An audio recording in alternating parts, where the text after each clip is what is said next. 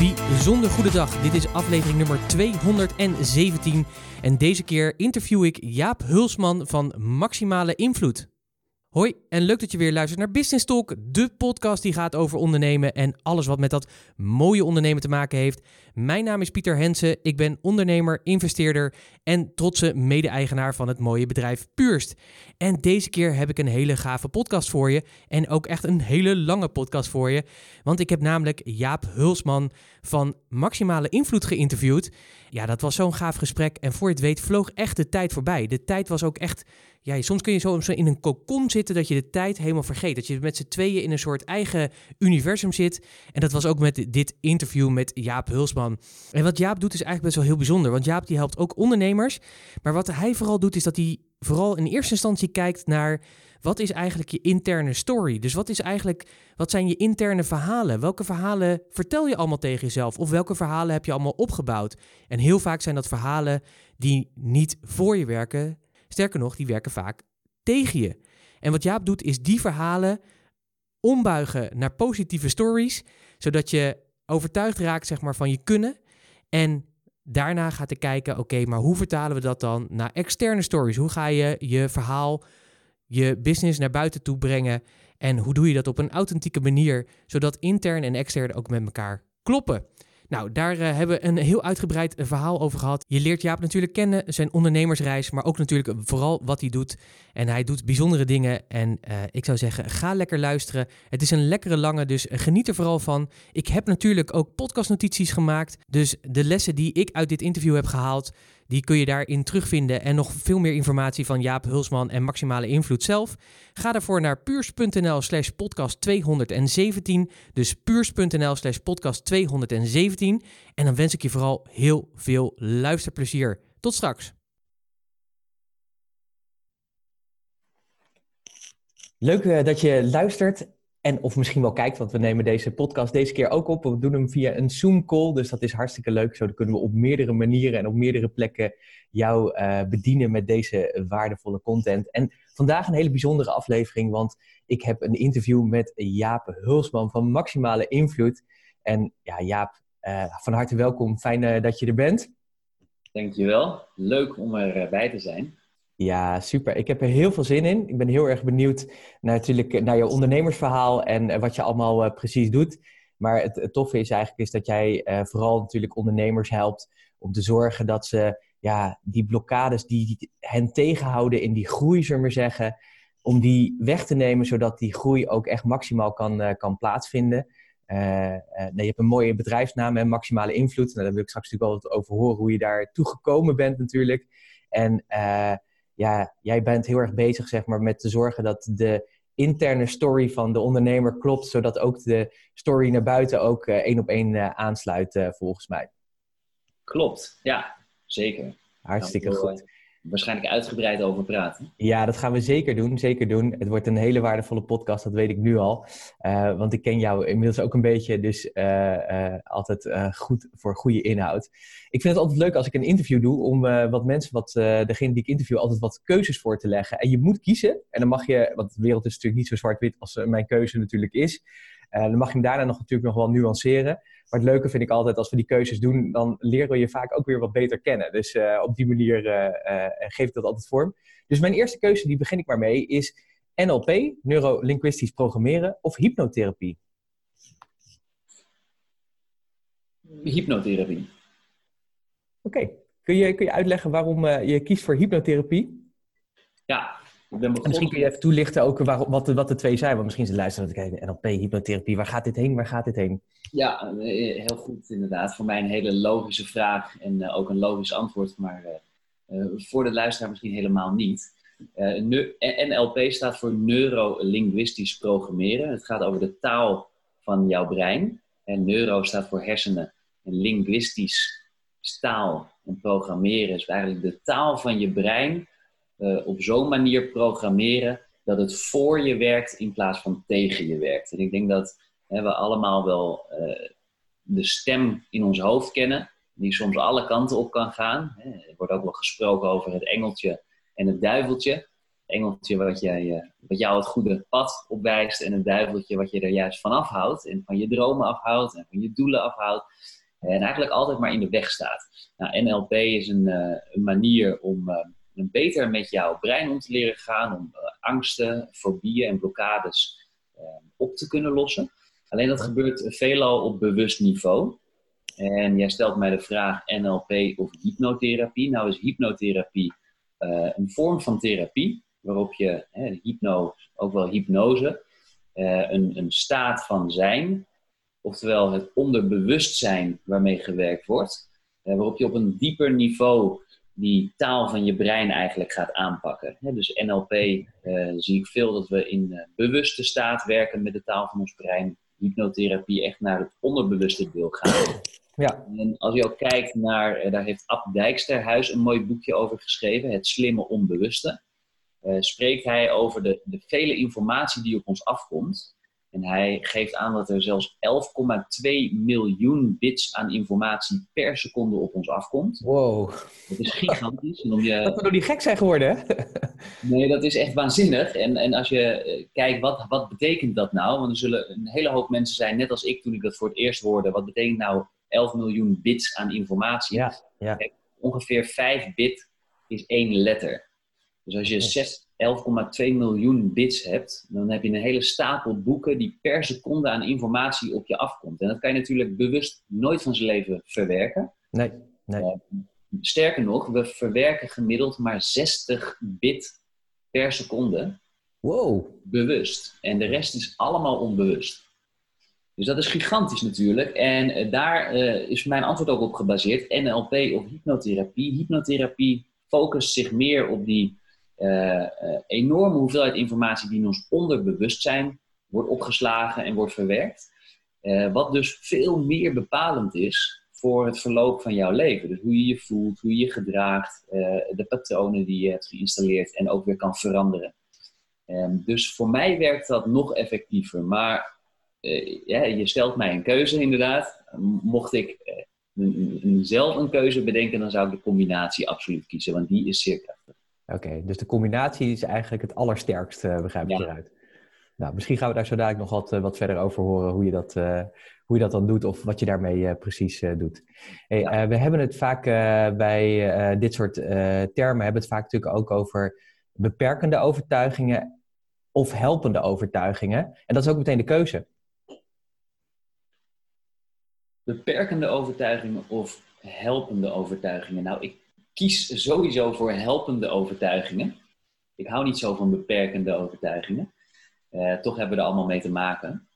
Um, afhankelijk van de, de, insteek van de vraag, um, bedoel je daarmee, misschien is dat ook wel goed om eventjes uh, te weerleggen, bedoel je daarmee um, of, of het handiger is om het helpende overtuiging te noemen in plaats van beperkende overtuiging? Of is het iets waar ik liever zelf voor kies?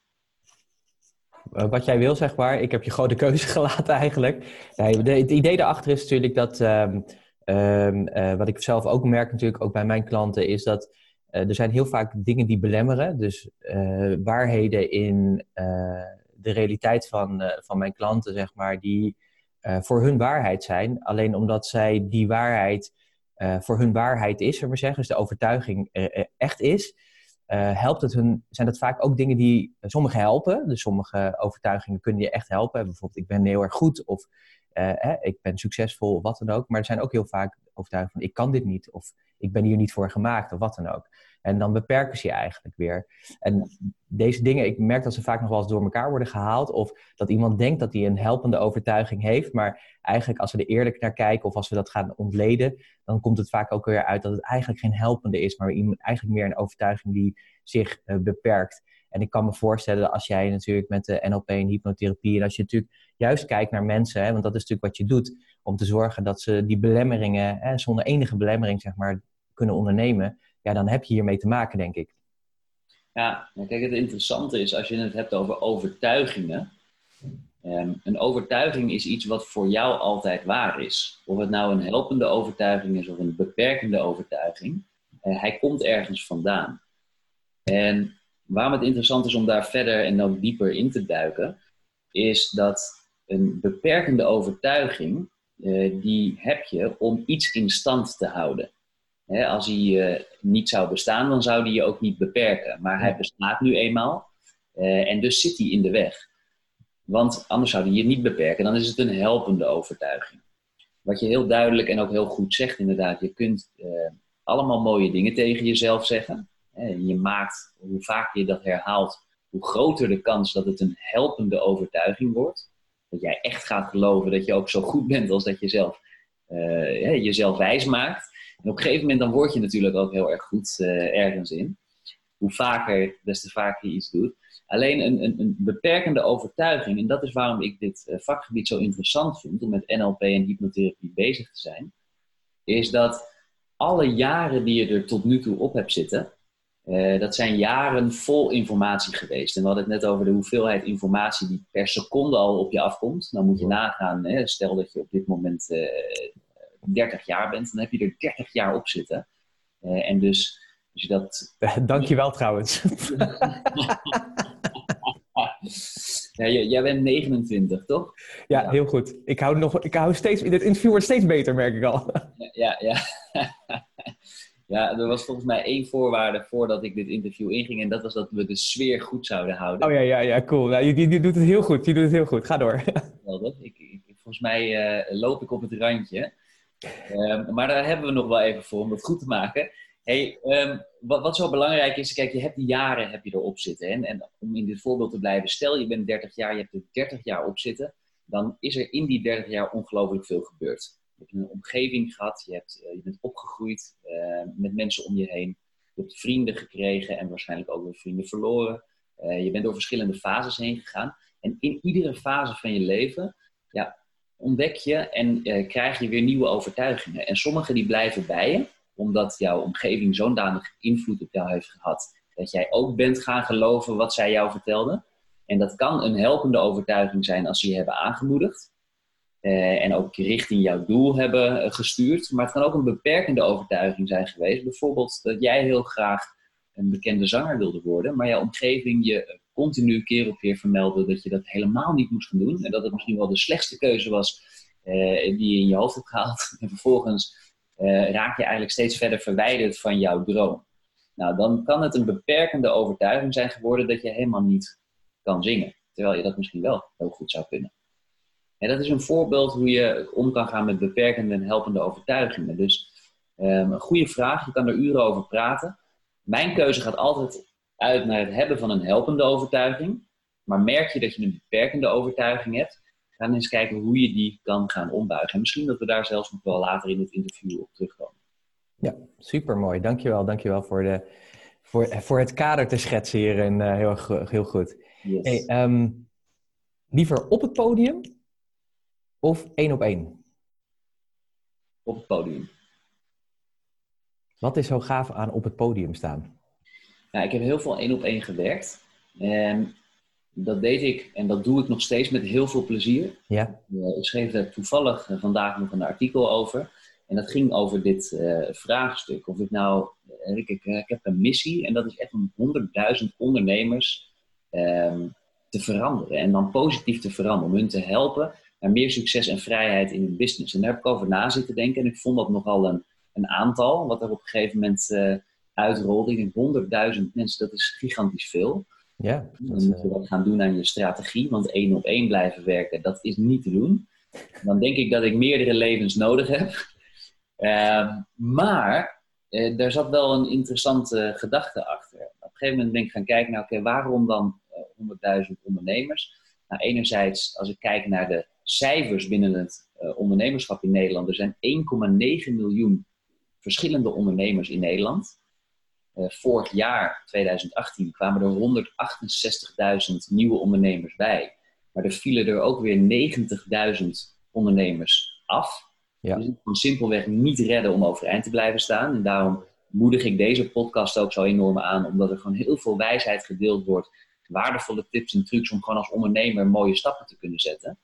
Uh, en daar draag ik zeker uh, graag mijn steentje aan bij. Maar als ik kijk naar die cijfers, dan red ik het niet uh, om één op één te blijven werken. Ik wil daar heel graag wat aan doen, omdat ik zie dat er om mij heen ook heel veel ondernemers zijn met prachtige ideeën. maar die simpelweg gewoon niet overeind blijven staan omdat ze een tekort aan klanten hebben, te weinig omzet draaien, ehm, een gebrek aan zelfvertrouwen hebben, een gemis van de juiste omgeving, de juiste mensen om je heen. En een gegeven moment ben ik daarover na gaan denken. Ik hou sowieso al, al jarenlang van het podium. Ik vind het leuk om mensen te inspireren en, uh, en te motiveren. En op het podium kan ik gewoon veel meer impact maken. Dan kan ik, uh, ik kan mijzelf, ehm, of mijn boodschap kan ik in één keer met een veel groter publiek delen. Dus vandaar dat ik kies voor het podium. Maar ik wil toch wel die ehm, combinatie blijven behouden. Zodat ik, en daarom ben ik ook naar op een gegeven moment de ontwikkeling van online programma's gegaan. Maandenlang gewerkt aan, aan prachtige uitkomsten om veel meer ondernemers tegelijk te kunnen helpen.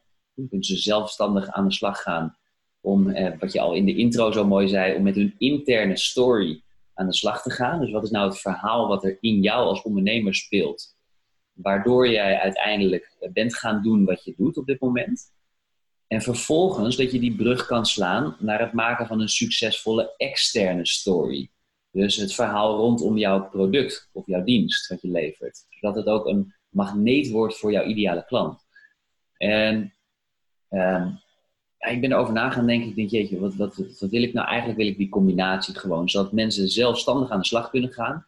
Altijd mij kunnen blijven benaderen voor ehm, persoonlijke vragen. En daarnaast werk ik in mijn business trajecten ook één op één, waarin ik ondernemers wat langere periodes begeleid. Zijn vaak zes maanden of twaalf maanden. En gaan kijken hoe de hele business er nu uitziet.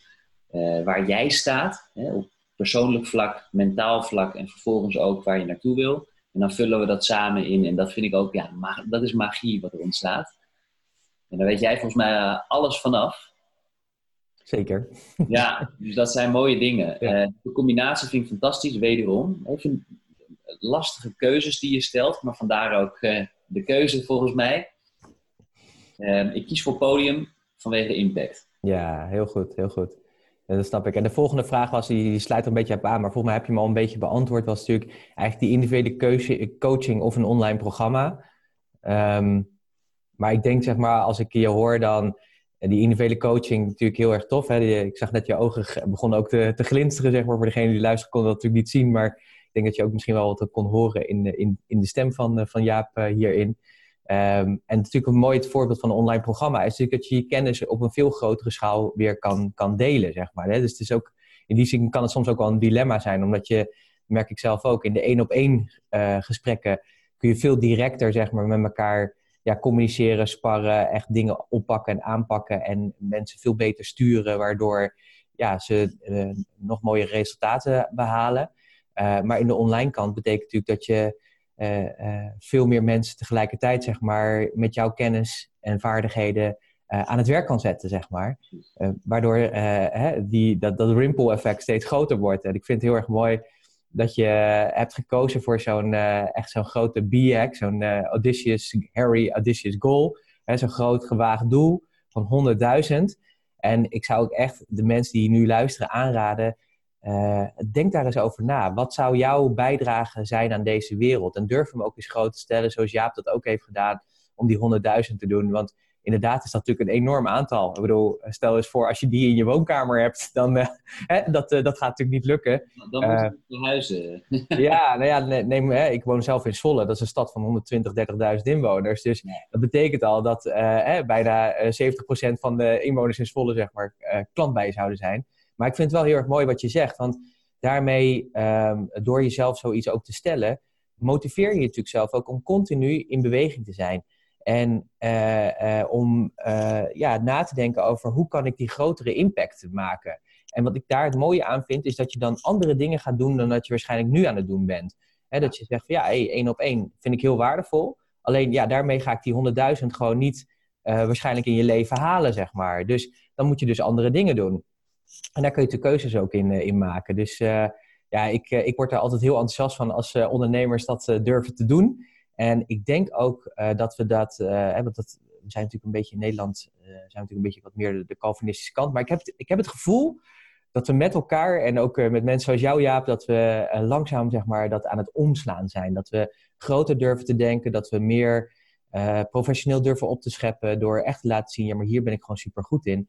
En ja, daarvoor moet je echt gewoon bij mij zijn, weet je. En wil jij dit ook? Dit kan jij ook namelijk. En nou ja, daarom vind ik dat super tof om te horen. Dus dank je wel dat je dat deelt. En ik hoop dat het voor anderen die nu ook luisteren of kijken, dat ook echt een inspiratie is om echt te zeggen, wauw, weet je, ja, eigenlijk stiekem van binnen uh, want veel mensen, als ik die spreek, hebben ze stiekem van binnen wel zo'n soort droom, maar durven ze het bijna niet uit te spreken, omdat het ook, het is ook best wel spannend, weet je. ja, uh, 100.000, ja, poeh, hè? dat is echt een hele hoop. Ja, maar dat, dat is ook waar wat je zegt. En dat is nog, uh, dat is vrij recent dat ik uh, daar ook dit aantal aan heb gehangen. en wat fascinerend is, ik vind het heel mooi hoe jij dat noemt, professioneel opscheppen. Maar dat is eigenlijk wat wij, zeker in Nederland, ehm, veel meer mogen doen, vind ik. Eens. Het is goed dat ik samen met Artsena, met mijn vrouw, naar uh, Amerika reisde voor het eerst. Naar een, eh, een seminar. Is inmiddels jaren geleden, want dat heb ik vaak herhaald. Dat we in Las Vegas kwamen en in één keer blootgesteld werden aan het professioneel opscheppen, om in jouw bewoording te blijven. En iedereen die, die schreeuwde nog harder uh, dan zijn buurman hoe, over hoe goed ze waren. Maar vervolgens, als je dan kijkt naar de resultaten die bij heel veel mensen geboekt werden, dan was dat iets waar ik echt van achterover sloeg. Denk ik, mijn hemel, is dat echt mogelijk wat je doet met datgene wat jij doet? En hoe vaker en hoe meer uh, verhalen ik hoorde, hoe meer mijn vertrouwen begon te groeien. En dan kwam ik na zo'n reis kwam ik weer terug in Nederland. En dan was dat helemaal weg. Althans, dan was ik hè, de, de, de, de vreemde eend in de bijt die uh, aan het schreeuwen was. Maar dat was dan voor hele korte duur. Ja. Ik dacht dat mijn omgeving, ja, die, die vonden dat maar niks. En dan zie je eigenlijk ook, eh, zonder voor anderen te spreken, maar toch zie ik dat bij heel veel mensen gebeuren. Dus dan zie je hoe snel je ook weer door je omgeving beïnvloed wordt. Daar in Amerika, waar ik echt op mijn stoel stond en, en, en aan iedereen wilde vertellen waar ik voor stond en waar ik naartoe wilde, deed ik dat hier in Nederland slechts twee dagen en uh, kroop ik eigenlijk weer in mijn rolletje. Ja. Goed. Um, door dat vaker te herhalen ben ik dat wel vaker ook gaan, uh, gaan testen, gaan doen. En het grappige is, wat ik daar nog even over of aan wilde toevoegen, is dat sinds ik daar een, een getal aan heb gehangen, ik heb het altijd wel in mijn hoofd gehad, maar ik heb het nooit uitgesproken. En 100.000, precies wat je zegt, dat is veel. Uh, tegelijkertijd heb ik mensen on ontmoet, uh, die hadden het over uh, miljoenen mensen hè, raken en bereiken. En ik heb ook gezien dat het mogelijk is. Dus wat is dan 100.000? Dus soms is het ook goed, elk als tip naar de luisteraars, als je er een getal aan wil hangen waar jij merkt van dat je bang van wordt, kijk dan eens naar iemand die een nog veel groter doel heeft. want het verschil tussen jou en tussen die persoon is niet zoveel. Het enige verschil is dat hij of zij dat roept uh, en de jaren ervaring die ertussen zitten. Maar het betekent niet, kijk, we zijn allemaal mens, dus we kunnen alles bereiken wat een ander ook heeft bereikt. Alleen we moeten bereid zijn om ook die stappen te zetten. Uh, en daarom vind ik het zo interessant om met die interne story aan de slag te gaan. Want wat is nou datgene dat je tegenhoudt om bijvoorbeeld al zoiets simpels als waar we het nu over hebben, een groot getal te noemen en een groot doel te stellen? Wat gaat er dan in jou om? Wat voel je? Wat ervaar je? Wat zijn je gedachten? En hoe kun je die omdraaien naar gedachten en overtuigingen die je helpen? Zoals we het net over beperkende en helpende overtuigingen. Want je hebt echt een, een helpende overtuiging nodig, wil je zo'n doel gaan uh, behalen. Ja. Um, dus dat, uh, ja, dat was interessant. En wat ik daaraan toe wilde voegen, is toen ik dat eenmaal uitsprak, toen in één keer um, begon ook het vertrouwen. Het wil niet zeggen dat ik het niet spannend vond, want ik vond het redelijk spannend om het uit te spreken. Uh, ook om het uh, te noemen. Maar in één keer toen zag ik dat, omdat ik het had uitgesproken, dat er um, ja, iets in werking werd gesteld. En dat iets, dat was nog vrij onbegrijpbaar. Ik kon het ook nog niet noemen, maar ik voelde eigenlijk aan alles dat de energie begon te stromen. Omdat ik een hele duidelijke richting had bepaald voor mezelf. En toen ik dat gedaan had, is fascinerend wat er gebeurde. Want uh, Artje, mijn vrouw, die zei eigenlijk al vijf weken lang: ja, je moet de media opzoeken. Want je hebt zoveel eh, mensen geholpen, maar eigenlijk weet niemand het. Ja, die mensen die je hebt geholpen, die weten dat. Maar voor de rest, eh, die, die, Amerikaanse mentaliteit van op je stoel staan en roepen hoe goed je bent, eh, die mag er echt meer in. En dat had ik gewoon niet, omdat ik het, ik had mijn focus op het helpen van de mensen en niet per se op mijn zichtbaarheid vergroten en, en, en zoveel mogelijk mensen bereiken, totdat ik het had uitgesproken. En toen zei ze, ga nou die media opzoeken. En ik weet nog heel goed, ik nam dat besluit en in die week werd ik benaderd door de media. En het is zo fascinerend hoe dat werkt, want het blijft iets onverklaarbaars. Maar het uitspreken van een intentie, het zetten van een doel en het vertrouwen, dus die helpende overtuiging installeren bij jezelf, het vertrouwen dat het goed komt, maakt dat ik gisteren, hè, we hebben, nemen nu deze podcast op, maar gisteren, één dag voor deze podcast, heb ik opnames gehad voor een eh, televisieprogramma wat gericht is op ondernemers. En daar stelde ik de vraag aan de, een van de presentatoren, van de presentator van, hey, hoeveel uh, kijkers hebben jullie nou eigenlijk? En dat is een uh, multimediaal platform. Dus het wordt uitgezonden op televisie, maar ook op internet uh, en op LinkedIn. En toen kwamen we op ruim 400.000 kijkers bij elkaar. En in één keer dacht ik aan mijn doel. En toen dacht ik, ik wil 100.000 ondernemers bereiken, transformeren. En er is natuurlijk wel iets meer voor nodig dan alleen hè, onderdeel zijn van een programma en, en, en 400.000 kijkers hebben. Maar het kwam zoveel dichterbij in één keer. Ja, en dat is echt magic. Ik denk, ik denk als ik dit hoor, moet je je doel bij gaan stellen. dat is... Ja, ik denk daar mag een nulletje achter. ja. ja, bijvoorbeeld inderdaad. Nou, het is wel interessant wat je daarin zegt. En wat ik heel mooi van je vind, is om te horen hoe je... Uh, nou, hoe belangrijk je omgeving dus ook is. Hè? Dus dat, uh, dat je vrouw zeg maar zegt van... Hey, zoek die media op. Maar dat het ook een combinatie van factoren is. Hè? Dus dat je besluit van oké, ik ga voor die 100.000. En, en daarmee kom je natuurlijk een beetje uit je comfortzone dus het, het, is spannend, maar het is ook wel exciting, zeg maar. Hè? Dus je krijgt er ook energie van, maar ook een beetje pijn in je buik van... oh shit, weet je, hoe ga ik dat allemaal doen? Ja. Uh, wat ik ook heel mooi vind, dus wat je zegt, is van... Uh, en ik denk dat dat voor velen die ook luisteren ook een eye-opener is. En voor mij ook weer van... Uh, want dat herken ik namelijk zelf ook, is dat je vaak zo bezig bent om die ander te helpen, dat je vaak vergeet om aan je zichtbaarheid te werken. Om te laten zien ook aan de rest van de wereld dat je er bent, zeg maar. En dat je ehm, ja, die waardevolle dingen te bieden hebt waar die ander echt op zit te wachten. En als je dat natuurlijk vergeet, dan blijf je gewoon het best bewaarde geheim. En dat is natuurlijk eigenlijk hartstikke zonde. Want er zijn gewoon letterlijk mensen op zoek naar je. En, uh, uh, en wat ik heel erg mooi vind bij jou ook is om te horen, en dat, dat merk ik bij mezelf ook, maar bij, ook bij andere klanten van mij, is dat op het moment dat je intentioneel erin gaat, dus zeg van oké, ik, ga, ik ga die media opzoeken, dan zie je vaak dat, dat, dat er iets gebeurt waardoor dat ook naar je toe komt. Op wat voor manier dan ook. En ja. uh, hè, ik, ik merk dat ook bij anderen, zeg maar, die dan zeggen van... Goh, ik zou graag wel eens met die in contact willen komen... of iets willen presenteren voor een groep. En op het moment dat ze dat besluiten en uitspreken... dan zie je ook heel vaak dat er iets op hun, op hun weer terugkomt, zullen we zeggen... waardoor dat ook uh, of op een, in een vrij korte manier, zeg maar, in, uh, in, in werking wordt gesteld. En wat ik ook heel erg mooi vind, is dat je eigenlijk zegt van... nou, ik had die 100.000... En dan heb je gisteren met deze gasten... Want wat voor programma is het eigenlijk... Kan je daar wat over vertellen of niet? Of is dat nog, ja, is dat nee, nog top secret? Als, dat, als ik reclame mag maken. Ja, tuurlijk. Ja, heel graag. Dan gaan we nu even naar de reclame. Nou, ja. over vijf minuten zijn we weer terug. Nee. Nee, wij, ik ben gevraagd voor het programma Business NL.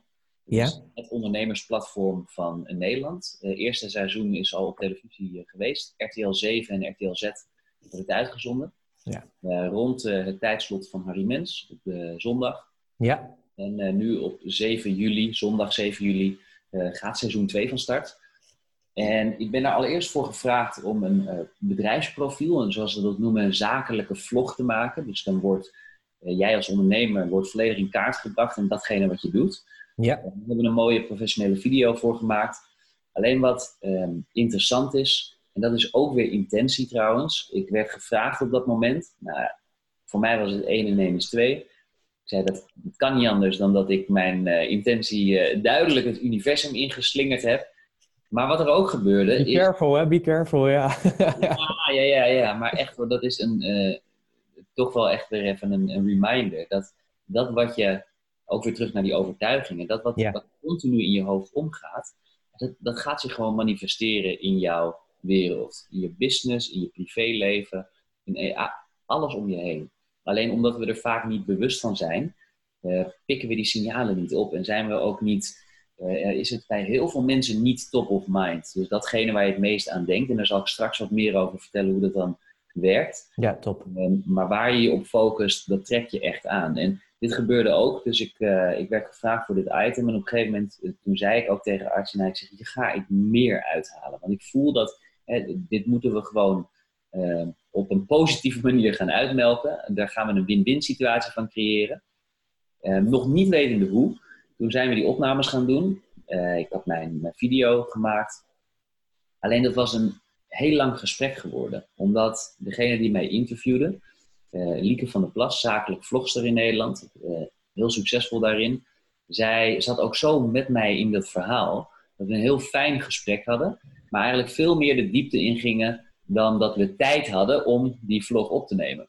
Dus dat resulteerde in het feit, hè, dat moest natuurlijk zo zijn, dat, dat, dat we veel meer content hadden dan dat er in die zakelijke vlog uh, paste. En dat wordt gecomprimeerd en samengevoegd tot twee minuten ongeveer. En dat zou dan zes keer uh, twee momenten in het weekend worden uitgezonden. Wat betekende dit? Dit betekende dat de redactie en het team van uh, Business NL, de partij tussen RTL en het programma, dat die deze content ook zagen en zo enthousiast werden dat ze mij op een gegeven moment hebben opgebeld en gezegd: Ja, we zijn zo enthousiast over wat we gezien hebben. En we zien dat er eigenlijk veel meer in zit dan dat we in die twee minuten kunnen uh, neerzetten. Vind je het leuk om een gesprek te voeren, om eens te kijken welke mogelijkheden er nog meer zijn? Nou, lang verhaal kort. Ik heb met uh, een aantal van hen gezeten. Waaronder Kevin Brouwer, de tv-presentator van RTL en de eigenaar. En dat was zo'n fijn gesprek dat, we, dat hij mij een voorstel gedaan heeft om de vaste mindset-expert te worden in het programma, waarbij we iedere aflevering met ondernemerstips, maar dan puur gericht op mindset. Hoe creëer je nou die ijzersterke mindset? Eh, over overtuigingen gesproken. Hoe creëer je die, de beste overtuigingen die leiden naar het succes wat jij wil behalen? Om die mee te geven per aflevering. Zodat er nog veel meer kracht en waarde in het programma zit. En je ook echt een verloop krijgt en uitkijkt naar de volgende aflevering. Ja, top heel tof, uh, stond ik gelijk achter, maar ook weer zo magisch. Dat sluit precies aan op wat ik wil. Ik wil die impact maken. En ik weet ook dat de meeste en de beste impact er gemaakt kan worden op dat stuk mindset. Want uiteindelijk is dat, en mensen vragen mij ook wel eens, zeker als we uh, trajecten afsluiten, hebben, we hebben het over investeringen. Ja, is, het, is, is, dit de juiste investering voor mij? Moet ik dit doen? Ik zeg, nou, als je gaat kijken naar wat een goede investering is die je kan doen, dan zal ik altijd adviseren om een investering in jezelf te doen. Want dat is iets wat niemand meer van je afpakt. Je kan een huis kopen, je kan investeren in aandelen, maar het kan allemaal afgepakt worden. Je kan het allemaal verliezen, maar informatie, echt jezelf scholen en, en persoonlijk ontwikkelen, dat is iets wat je altijd met je meedraagt. En als je de juiste mensen, hè, als je investeert in de juiste mensen, dan investeer je hoogstwaarschijnlijk ook in de juiste informatie die jou verder kan brengen. Dus luister dan ook vooral naar degenen die daar zijn waar jij heen wil. Dus die jou ook echt kunnen vertellen waar je naartoe wil, uit ervaring. Mm en, en dan zit je altijd op de juiste plek. Ja, super. Ja, dus goed, dat, uh, die stap hebben we gemaakt. Business NL, uh, ik kan je ook zeker aanraden om te gaan kijken. Leuk. Wel heel erg tof. Je leert heel veel van andere ondernemers. Seizoen 1 was meer gericht op promotie van verschillende bedrijven en, en datgene wat ze deden. Seizoen 2 uh, en hopelijk ook drie en vier en uh, de vele die nog gaan volgen. Want het gaat echt heel erg goed. Um, gaan veel meer op de inhoud en om jou als ondernemer zoveel mogelijk waarde te gaan geven. Dus we trekken dat ook helemaal door naar het online stuk. En om dan helemaal als kerst op de taart het verhaal uh, af te maken. Gisteren te horen gekregen dat ik ook um, als onderdeel van het programma en als onderdeel nu inmiddels van het team een prominente plek op de website krijg. Waarbij mensen mij dus ook persoonlijk kunnen gaan benaderen als zijnde transformatie-expert van het programma. Dus dat is wel heel erg cool natuurlijk. Wauw, mooi. Gefeliciteerd man. Mooi, mooi resultaat.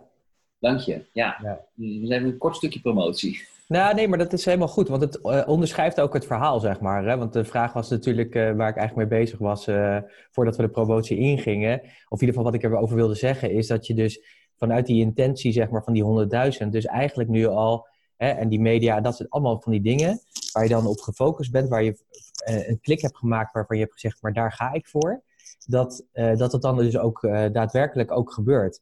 maar je moet er dus inderdaad wel voor openstaan. En dat je dus ook toen je, toen je werd gevraagd om eigenlijk eerst, in eerste instantie in die zakelijke vlog je bedrijf te presenteren, dat je tegen je vrouw ook zei van, oké, maar hier ga ik meer uithalen. Weet je, dus ook alweer zo'n bewuste focus dat je zegt van, ja, maar ik ga hier meer uithalen. En dat het dus nu ook naar je terugkomt weer. En letterlijk gewoon, ja, de grap is, weet je, je had natuurlijk over die honderdduizend, maar ja, en ik snap natuurlijk dat je er meer voor moet doen, zeg maar, om mensen te transformeren. Maar soms weet je gewoon niet, dat merk ik ook met de podcasts vaak, hè, dat mensen soms naar me, hè, als ze me een keer, tegenkomen of af en toe ze een mailtje sturen, dat ze iets teruggeven waarvan je natuurlijk helemaal geen uh, bewustzijn hebt, zullen we zeggen. Uh, je deelt de dingen, wij ook, we hebben hier een heel mooi gesprek. Maar het kan maar zo zijn dat iemand daar iets uithaalt, waardoor die klik omgaat en in één keer een mega stap kan maken, zeg maar. En dat vind ik juist ook het mooie van nou ja, vandaag de dag met alle verschillende mediasoorten, is dat je echt ook op die manier dus dat dat uh, verschil uh, kan maken. Dus uh, ja, super tof man. dus Business NL, nou, dat, gaan we natuurlijk, dat gaan we natuurlijk volgen natuurlijk bij RTL Z en RTL 7. Hartstikke leuk. Dus ik zal het ook meenemen in de podcastnotities. Dan kunnen mensen natuurlijk ook daarop gaan afstemmen natuurlijk.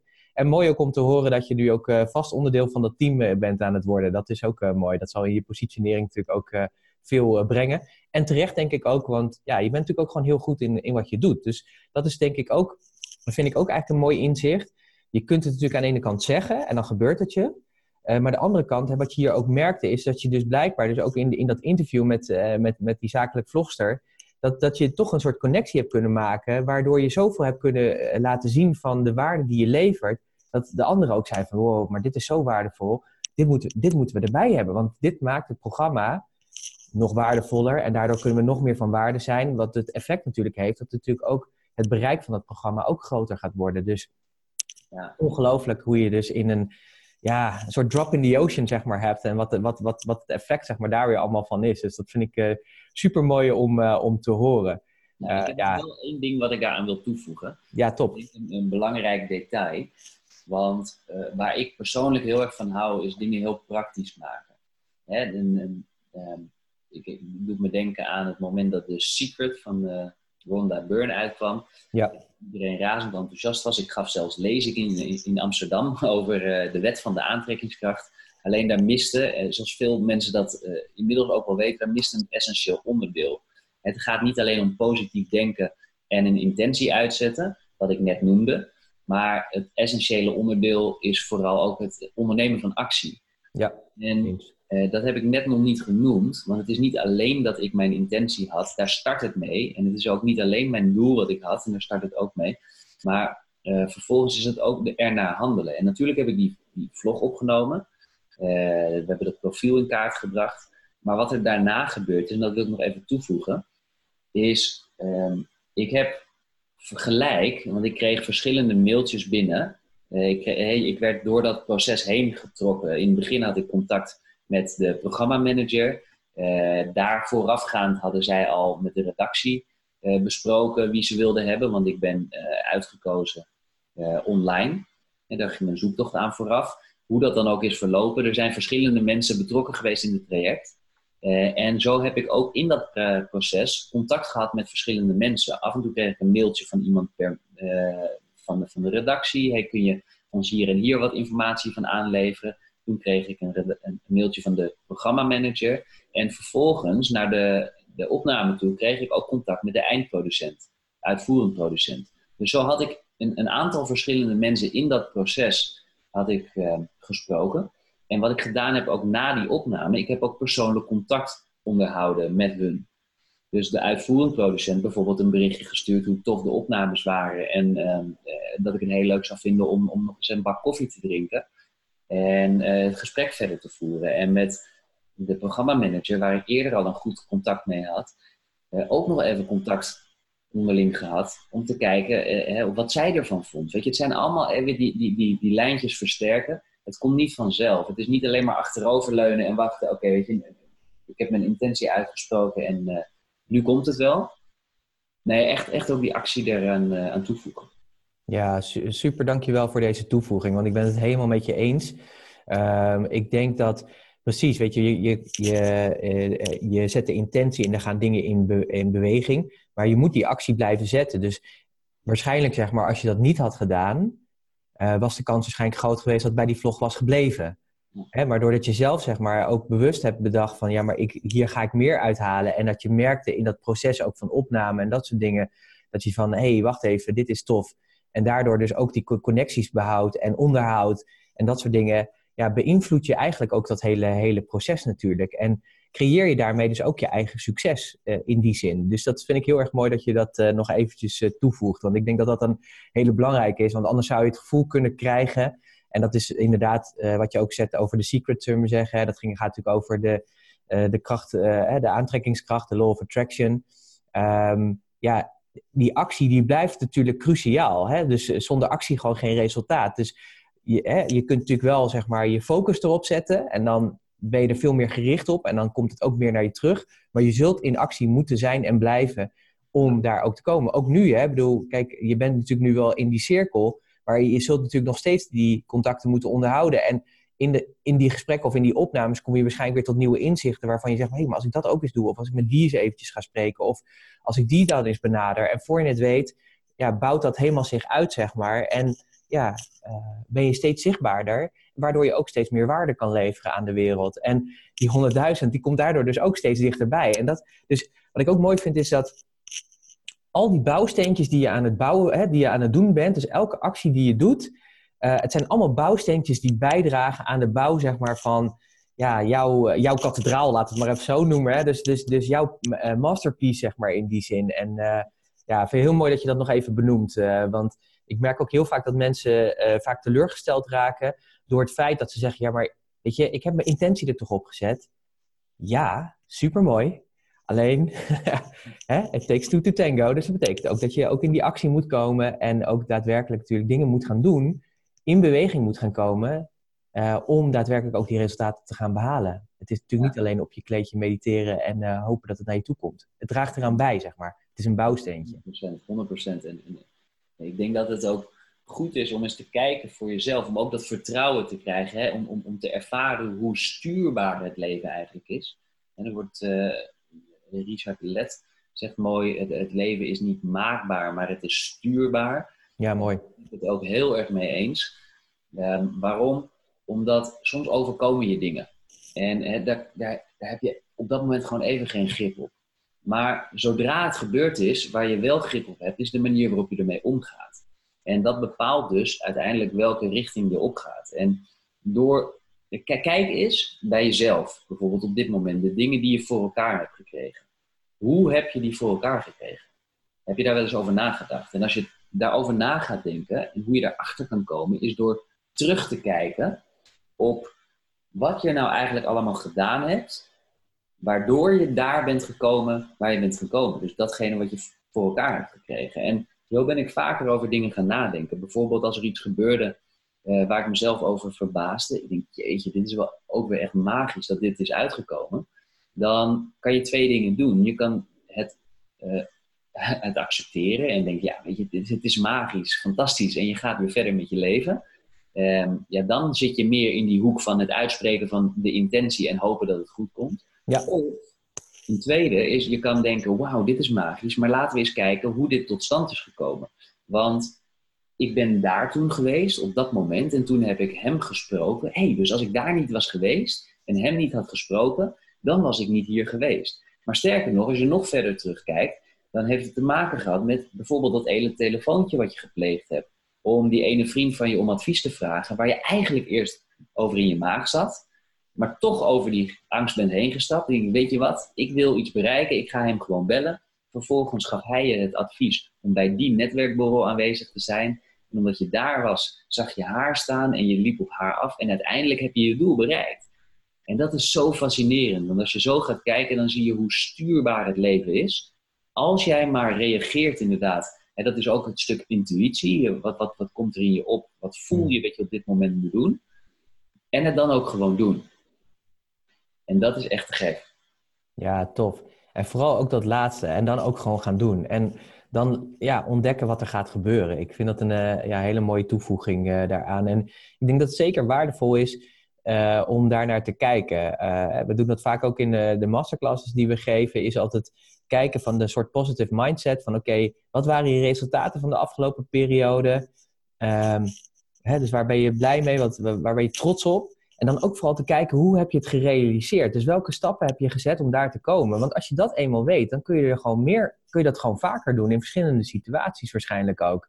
En op die manier ja, ben je gewoon heel gericht bezig met ja, de successen te creëren die je graag wil creëren. En uh, heel vaak uh, ligt het gewoon echt letterlijk voor je neus, zeg maar, uh, de stappen die je hoeft te zetten. En vaak heb je het al een keer gedaan en ben je er ook succesvol in geweest. Alleen ben je vaak vergeten, omdat je er niet even bewust bij stil hebt gestaan, uh, dat je dat hebt gecreëerd. en dat je het ook weer opnieuw kan herhalen, zeg maar, die realiteit. Ja, dus ja, ja, zo waardevol dit. dus hartstikke goed. Hey, leuk man. We gaan echt, ik vind het tof. We gaan er echt al super diep diepte in. Normaal is het altijd een beetje zo van, nou weet je, eerst die, die, uh, die, die keuzes en dan gaan we vaak over naar de vragen. Maar ik vind het heel erg mooi uh, om, om zo dit gesprek in te gaan. Ik, dus dank je wel alvast voor, voor dit mooie gesprek. Hey, um, misschien toch even goed om een stukje context mee te geven voor de mensen die luisteren. Ik denk dat nu al heel waardevol, heel veel waardevolle dingen erin zitten. Um, hè, jij helpt zeg maar, die ondernemers transformeren om echt die overtuigingen, die belemmeringen die ze kunnen ervaren, die hun tegenhoudt in die groei, om die weg te nemen, om hun interne stories gewoon weer straight te krijgen, zeg maar. En dan ook te zorgen dat dat ook vertaald wordt in hun business naar de externe stories. Kun je misschien even kort wat vertellen over je carrièrepad? Hoe ben je überhaupt, zeg maar, uh, hier toe gekomen? Uh, waar heb je al je wijsheid en je intelligentie, zeg maar, uh, vandaan gehaald? En ja, neem ons eens mee in, in, in de wereld van Jaap, zeg maar, uh, tot nu toe. Uh, en dan graag in uh, twee minuten. Ik wil net zeggen, dit wordt de allerlangste podcast ooit. Zes weken later. je dekte jezelf in. twee minuten. Oké, okay, long story short. Um, ik ben begonnen met, ik heb mijn HAVO afgerond. 2004 gebeurde er iets vervelends. Ik verloor mijn huis aan een brand. Hmm. En van de een op de andere dag verloor ik alles wat ik had opgebouwd. 18 jaar tijd. En uh, uiteindelijk um, zorgde dat ervoor dat ik in Brazilië terecht kwam. Ik werd opgebeld door een vriend van mij die werkte in een weeshuis als vrijwilliger. En die vroeg me die kant op te komen omdat ik uh, letterlijk niets meer over had in Nederland. Alleen op de kleren die ik aan had. En in, in Brazilië, hij zat in een weeshuis, zou ik in een totaal andere omgeving terechtkomen.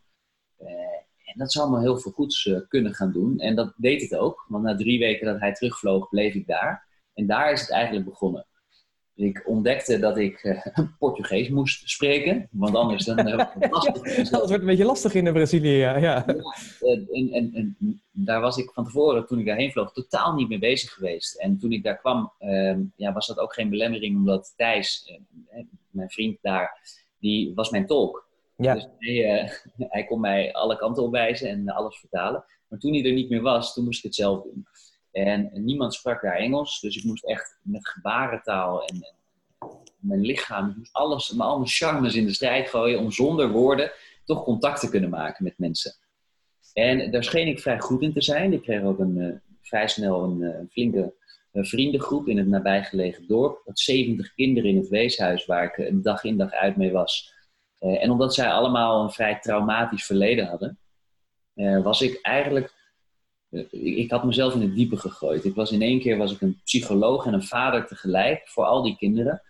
En ik ontdekte dus, ik was continu met gedrag bezig. Hoe kan ik ervoor zorgen dat mensen zich op hun gemak voelen, dat die kinderen zich fijn voelden, dat ik het vertrouwen won als, als buitenlander daar, die niet de taal sprak, maar toch even binnen in het leven dook van al die kinderen daar. Eh, dat ze zich bij mij fijn voelden. Want dat was mijn enige taak, mijn, althans mijn primaire taak. Dat ik een vertrouwenspersoon was waar ze terecht bij konden uh, en hun verhaal kwijt konden.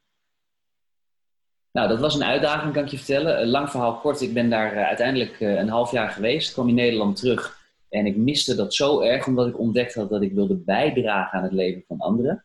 dus dat wilde ik voortzetten. Alleen ik kon dat in Nederland niet als vrijwilliger doen, want ik moest mijn rekeningen betalen. En dat resulteerde in het feit dat ik in de sales terecht kwam. Nou, daar kwamen de communicatieskills die ik had opgedaan in Brazilië uh, uitermate goed uh, van pas. Dus eerst in de, de binnendienst, telefonische sales, heel veel met mijn stem gewerkt. Toen dook ik van de telefoon uh, het echte veld in. Dus de deur-aan-deur marketing kwam ik in terecht. Oh, jij bent zo vervelend die elke keer aanbelde met wil je dit, wil je dat? Ik was die, uh, ik was die man inderdaad, die enge man voor de deur. Ach, joh, uh, nee, ik wilde dat, dat beeld wilde ik heel graag veranderen. Omdat juist heel veel mensen daar een, een wat minder goed beeld van hadden. Ja. Vaak ook uh, opgelicht werden aan de deur. En ik wilde laten zien dat het ook anders kon. Dus dat was een enorme uitdaging. Um, ik ben daar dat was echt een hele zware periode. Tegelijkertijd ook een hele leuke periode, want ik ben bij ongelooflijk veel mensen terecht gekomen.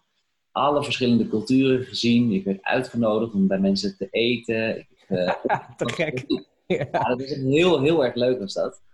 Uh, maar wat ik het allerleukste vond, was de connectie die ik met mensen kon maken binnen een hele korte tijd. Want daar zijn technieken voor. Alleen ik was me er toen helemaal niet van bewust wat ik deed. Dat was, dat, dat, blijkbaar deed ik dat vanuit nature, deed ik dat goed. Uh, dus ik kwam heel snel bij mensen op de bank te zitten. En dat is best gek als je aanbelt bij iemand en je kent diegene niet, maar twee minuten later zit je een leuk gesprek te voeren in jouw vertrouwde omgeving. En dan vervolgens tien minuten later, uh, en soms wat langer, sluit je een contract bij iemand af die je nog nooit gezien hebt. Dus maar wat is nou dat proces wat ertussen zit? En daar ben ik me in gaan verdiepen. Er is heel veel gebeurd, maar daar hebben we nu te weinig tijd voor helaas. Ik ben me gaan verdiepen in het brein. Ja. Dus hoe, werkt ons, onze geest? Waarom denken we wat we denken? Waarom doen we wat we doen? Waar komt ons gedrag vandaan?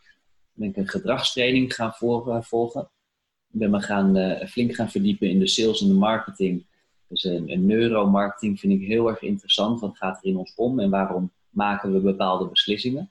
En vervolgens ben ik dat door gaan trekken in eh, de NLP en hypnotherapie. Van waarom maken we nou bepaalde beslissingen die de koers van jouw leven zodanig kunnen bepalen dat je wel of niet gelukkig bent en dat je wel of niet succesvol bent.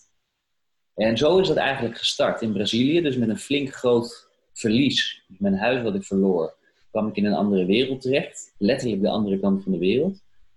Ik kwam terug in Nederland, ontdekte dat ik heel graag met mensen wilde werken, maar tegelijkertijd ook uh, wilde bijdragen aan anderen. Echt om, om ze een stap verder te kunnen helpen. En ook in die vrijheid te kunnen leven die ik daar uh, ervoer. Want ik liep daar dagelijks heerlijk op mijn blote voeten. Uh, als als Tarzan rende ik door de jungle. letterlijk om met die kinderen bomen te, te bouwen. En het was geweldig. Alleen dat had ik in Nederland niet. maar wat ik wel daaraan overhield was een verlangen om dat weer te creëren. Maar dan zodanig dat ik impact had gemaakt op de levens van vele mensen. Eh, en een, een, situatie voor mezelf zou hebben gecreëerd waarin ik gewoon in vrijheid kan leven en er geen, en geen tijd en geen uh, geldproblemen bestaan. En dat is gewoon een weg die ja, voor heel veel mensen vrij lang kan zijn. Want het maakt wel uit waar je vandaan komt. Hè. Jouw overtuigingen zijn weer een hele belangrijke factor in dit verhaal. Wat geloof je? Geloof je dat het niet mogelijk is, dan wordt het helemaal niets. Maar geloof je dat het wel mogelijk is, alleen je weet niet hoe, dan is mijn advies: ga op zoek naar de mensen die dat wel weten. Want die kunnen het je vertellen. En dat heb ik gedaan. En zo ben ik uh, ja, bij heel veel mooie mensen terechtgekomen. Uh, ben ik nu actief als business coach en transformatie-expert. Om ook echt uh, ja, bijdrage te kunnen leveren met mijn ervaring en expertise.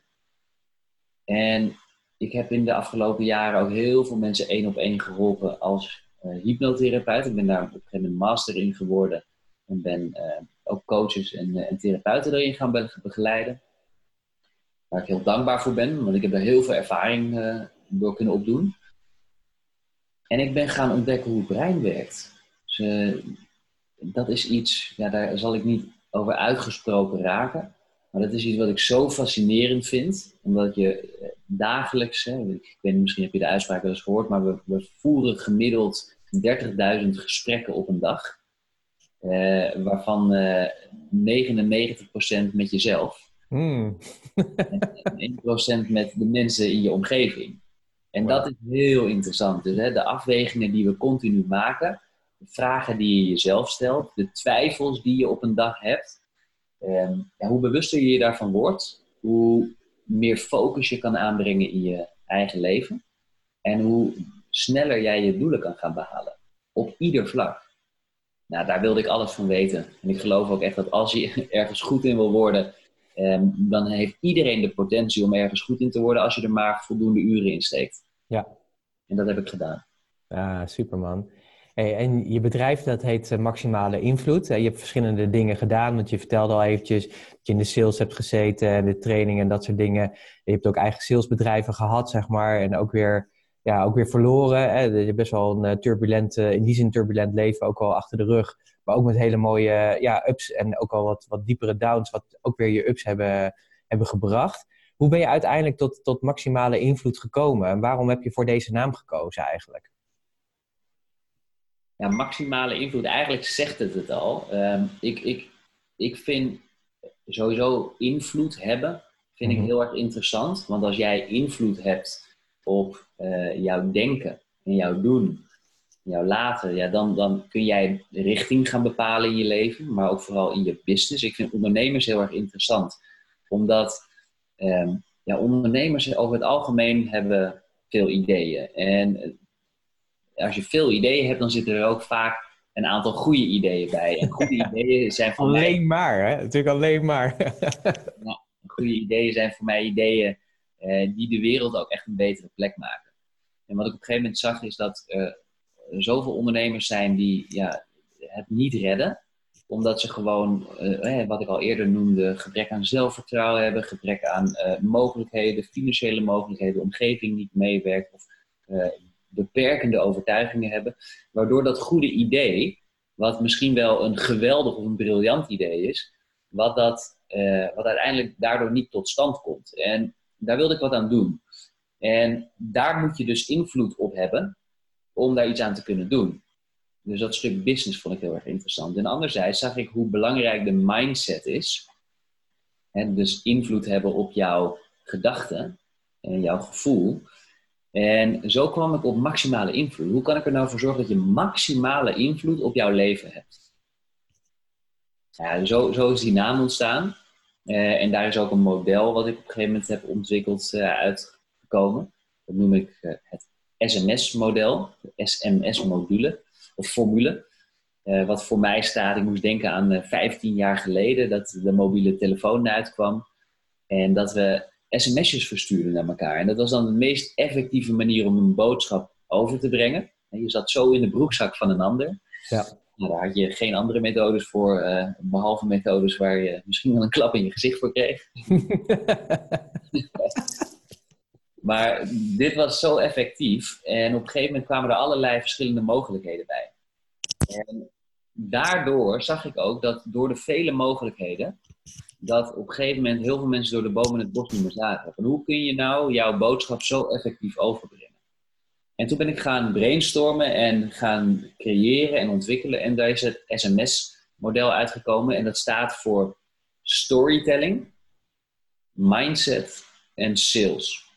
En ik zag dat dat drie ingrediënten zijn die eigenlijk iedere ondernemer onder de knie zou moeten hebben om ook daadwerkelijk een succesvolle organisatie, een succesvol bedrijf op te kunnen zetten. Want storytelling, hè, dat is enerzijds jouw interne story, wat vertel jij jezelf? Geloof je dat je dat doel kan behalen of niet? Uh, maar tegelijkertijd ook, wat geloof je over uh, jouw product, over jouw klanten, um, over überhaupt ondernemerschap, over het succes, over vrijheid. Is het allemaal mogelijk voor jou of zit er nog iets in de weg? Dan vervolgens het verhaal, storytelling, dus het verhaal om jouw product of dienst. Dat het duidelijk wordt voor jouw klant wat je doet. Want als dat niet duidelijk is, ja, dan wordt het ook een, moeilijk verhaal om klanten aan te trekken. Die mindset, nou, daar hebben we het uitgebreid over gehad. Dat is iets wat je altijd meeneemt. En sales, ja, hoe verkoop je dat verhaal wat je hebt gecreëerd? Hoe verkoop je jezelf en jouw product of jouw dienst? Als je dat niet kan, dan wil niet zeggen dat je, uh, dat, je, dat je een verloren zaak bent. Nee, dan moet je gaan zoeken naar iemand die dat wel goed kan. En dan heb je het ook weer over een stukje investeren. Zoek dan de mensen die je daarbij kunnen helpen. Dat wat jij nog niet zo goed kan. Maar dan word je er vanzelf ook beter. Nou goed, zo, zo is dat ontstaan. Zo is maximale invloed ontstaan. Eh, waardoor ik ook echt geniet om mensen te helpen met die maximale invloed. Ik wil niet zeggen dat ik overal met iedereen op ieder vlak werk. Ik kijk echt naar waar sta je op dit moment en wat heb je nu nodig. Ehm, en dus dat start ook vaak met een, uh, een open gesprek. Ik noem dat een, een blueprint voor succes call. waarin ik een gesprek heb met, met ondernemers om te kijken wat nou de beste strategie voor jou is vanuit dit startpunt. Want we staan allemaal op dit moment ergens, maar we hebben allemaal wat anders nodig. Mhm. Dus vandaar maximale invloed en uh, mijn maximale antwoord. Ja, ja, super, super, super mooi. Nee, maar mooi om ook te horen uh, waar, waar het vandaan komt en hoe je daarin staat, zeg maar. En hoe die methodiek die je daarvoor gebruikt ook uh, aan bijdraagt, denk ik. En wat ik denk heel erg mooi is, is hè, je hebt elke keer over die mindset, zullen we zeggen, over die interne story en die externe story. En natuurlijk, weet je, voor ondernemers, sales is gewoon, ja, zonder betalen, geen betalende klanten heb je gewoon geen bedrijf. Dus sales doen. En dat vinden veel mensen toch lastig hoor. Dat hè, de zichzelf verkopen. En dat heeft ook allemaal weer met die stories te maken. Ook weer met die mindset te maken. Dus ja, eh, zo waardevol zeg maar wat je daarin uh, in doet en betekent denk ik. Want en dat merk ik ook. Je kunt de mooiste strategieën bedenken. De mooiste plannen die echt super zijn. Maar ja, als die interne story gewoon niet klopt. Als die mindset gewoon niet klopt. Heb je er gewoon helemaal niks aan. Want dan gaat het gewoon niet gebeuren zeg maar. Uh, dus ja, ik, ik denk dat het zo belangrijk is om, om dat goed op orde te hebben. Om vervolgens ook echt die stappen te kunnen zetten, zeg maar, in je ondernemerschap. Eh, en daar naartoe te gaan waar je naartoe wil gaan. En ik geloof er echt in dat we allemaal, hè, iedereen heeft natuurlijk zijn eigen stories. Elk, op elk niveau wat je weer verder komt, ontstaan er weer nieuwe stories zeg maar, in je hoofd. Die weer beperkingen opleveren, maar die ook weer doorbroken moeten worden. Maar ook die je weer gaan helpen om weer die volgende stap te maken. Dus je blijft altijd in ontwikkeling. En daarom denk ik dat het zo belangrijk is dat er ook gasten zijn, zeg maar, zoals jij, die daar juist bij helpen. Omdat dat gewoon zo essentieel is, weet je. Want ja, je kunt je nog zo'n goed verhaal hebben en nog, nog zulke waardevolle producten. Maar als het gewoon bij jou niet klopt, weet je, dan gaat het gewoon niet werken. Dan gaat het gewoon niet werken. Het, het komt zo nauw allemaal, uh, sluit het op elkaar aan dat die basis zo belangrijk is. Dus daarom ja, vind ik het echt super waardevol om dit, uh, dit, dit uh, interview te doen. En ik hoop dat mensen die ook luisteren denken van, ah ja, shit man, ja, dat klopt ook inderdaad. Die mindset is zo belangrijk. Kun je nog wat vertellen over waarom die mindset, en wat is, wat is het nou eigenlijk precies? En, en um, ja, als je kijkt naar mindset en die overtuigingen die we hebben, kunnen we het eigenlijk überhaupt wel oplossen? Of zijn we gewoon überhaupt verloren, zeg maar? Hebben er gewoon, is het gewoon jammer eigenlijk? Is dat gewoon het mens zijn? Of nou ja, eh, neem ons eens mee daarin, zeg maar, uh, in, in, in dat mindset gedeelte. Ja, om mindset uit te leggen, dat is misschien ook wel een goede, want uh, het is zo'n begrip geworden tegenwoordig. Ja, mindset is belangrijk, hoor je vaak. Ja. Alleen, wat is mindset nou eigenlijk? Precies, mooie vraag. Als je dat gaat ontleden, uh, je, je hebt mind en je hebt set. Dus de manier waarop jouw mind werkt voor jou. En uh, wat ik heel interessant vind, en een van mijn grote uh, inspirators, helaas overleden, maar is altijd en nog steeds geweest, uh, Jim Rohn. En hij had een hele mooie uitspraak. En hij zei, it's, in, in het Engels, hij zei, it's not the blowing of the wind that determines our future the same wind blows on us all. It's the set of the sail that determines our future. Dus met andere woorden, waarom ik dat zo mooi vind, wat hij zegt, is: we hebben allemaal te maken met wind. Dezelfde wind waait om ons allemaal. Dus het is niet de wind die bepaalt waar jij heen gaat in je leven. Het is de manier waarop jij jouw zeilen spant in die wind die bepaalt waar je heen gaat in je leven. En voor mij is dat een hele mooie uh, ja, eigenlijk uitleg van wat mindset is. is het, het, is de manier waarop jij jouw zeilen spant. Uh, alleen het spannen van die zeilen, spreekwoordelijk natuurlijk, maar dat is iets wat je op zoveel verschillende manieren kan doen. En uh, daarom is mindset ook zo breed. Je kan je op heel veel verschillende manieren kun je jezelf ontwikkelen.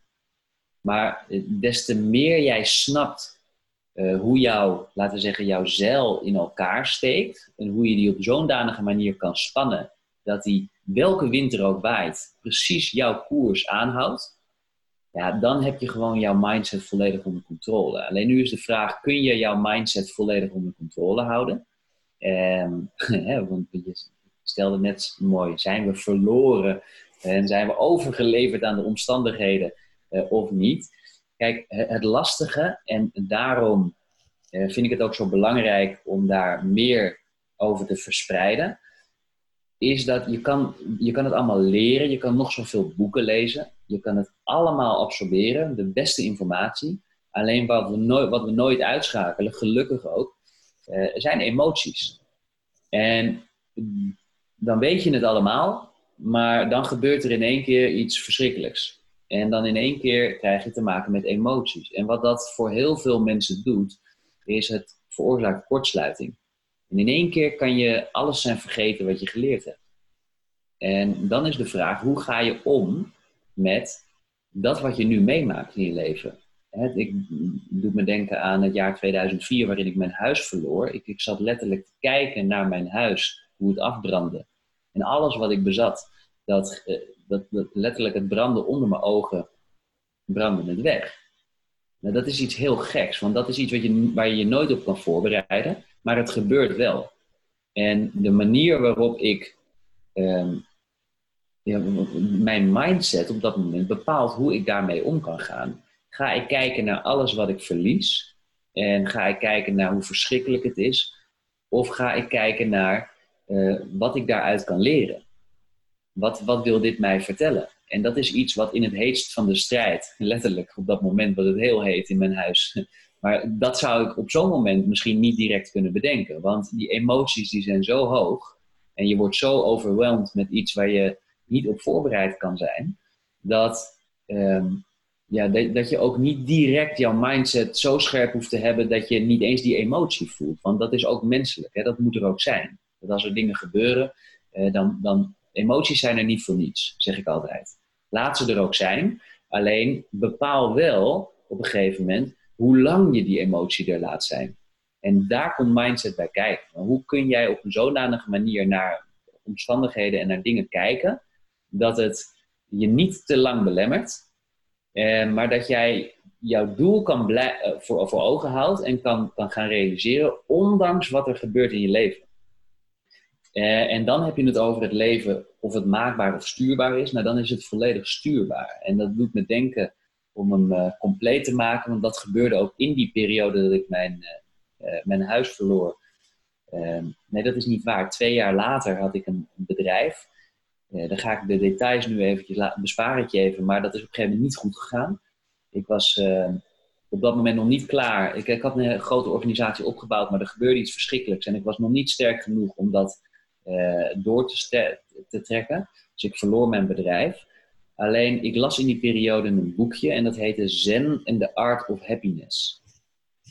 Een mooie titel, uh, geschreven door Chris Prentice. En dat was een dun rood-oranje boekje. En daar stond een, een, een, hele hoop wijsheid stond daarin. Maar uh, iets wat ik daarvan onthield, dat was alles wat er gebeurt in je leven, dat is het beste wat je kan overkomen. Nou, dat is een, flinke uitspraak, kan ik je vertellen. Uh, en ik weet zeker dat er voldoende luisteraars zijn die dit nu horen, die denken van wat een grote onzin. En dat dacht ik toen ook. Ik denk, hoe kan nou alles wat je overkomt het beste zijn wat je overkomt?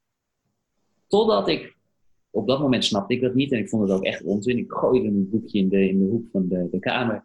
Maar maanden later las ik dat boekje weer en toen waren bij mij de emoties gedaald.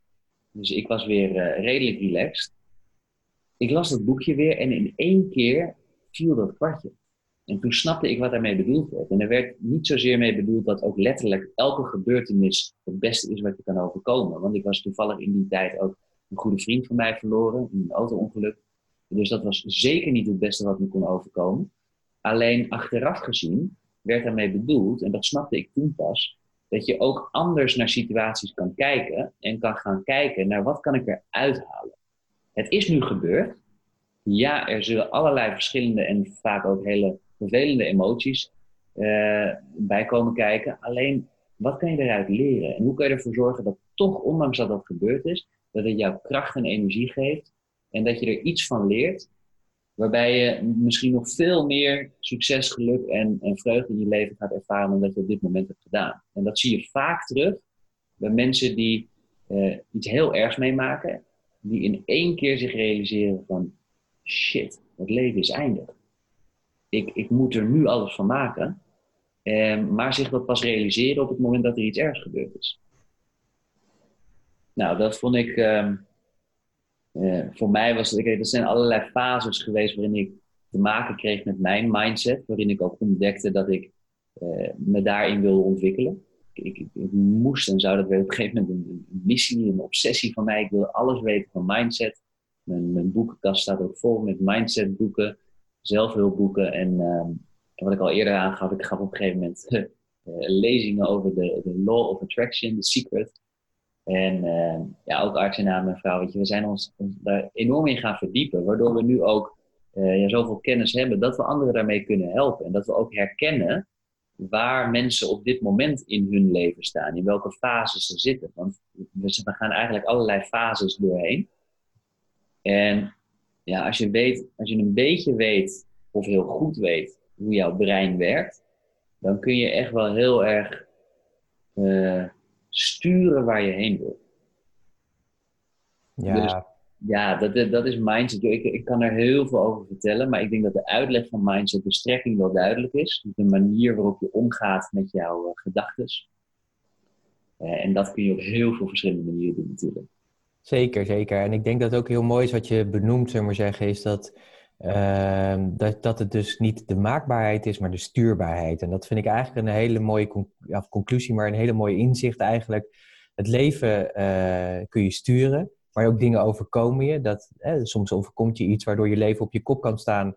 zoals als je huis in de brand staat of zo'n vriend uh, overlijdt, dan ja, dat, dat overkomt je gewoon. Weet je, dat, dat, dat, beïnvloed, dat, dat verzin je niet, zeg maar. Dus dat, alleen je kunt natuurlijk wel sturen hoe je daarmee omgaat. En um, ik denk hoe. Je, hebt altijd een, je hebt altijd een keus. Hè? Dus dat vind ik ook het fijne als mens zijnde. Je hebt altijd een keus in elke situatie hoe je daarmee omgaat. Maar die emoties die zijn zo belangrijk. En ik herken dat ook bij mezelf als ik kijk gewoon de Pieter van tien jaar terug, zeg maar, en de Pieter van nu.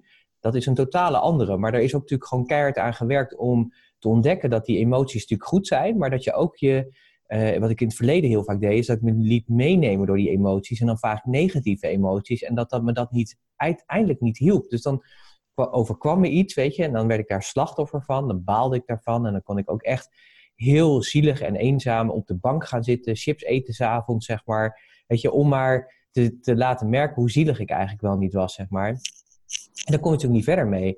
En op een gegeven moment heb ik natuurlijk geleerd door trainingen, door veel te investeren. Uh, ook een heel, heel, blij met een vrouw, zeg maar, die er totaal anders in staat. Die op een gegeven moment ook mij niet meer op die bank liet zitten, zullen we zeggen. Uh, hebben, op een gegeven moment heb ik ook ontdekt dat, okay, weet je, dingen overkomen je. En tuurlijk, je mag boos zijn, je hebt emoties, die moet je ook echt uiten, zullen we zeggen. Want dat, eh, anders krop je het op en dan gaat het naar binnen. Ik denk dat dat ook niet goed is.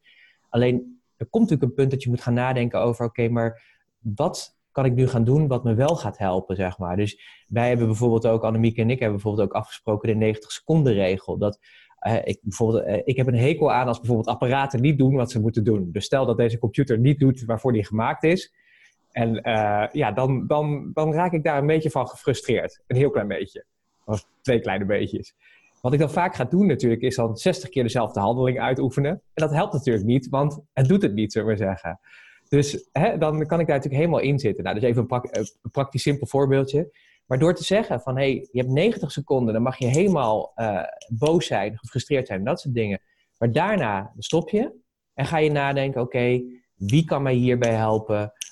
Wat kan ik nu anders doen, zeg maar, om een ander resultaat te behalen? En wat wil ik wel bereiken in plaats van niets, zullen zeggen?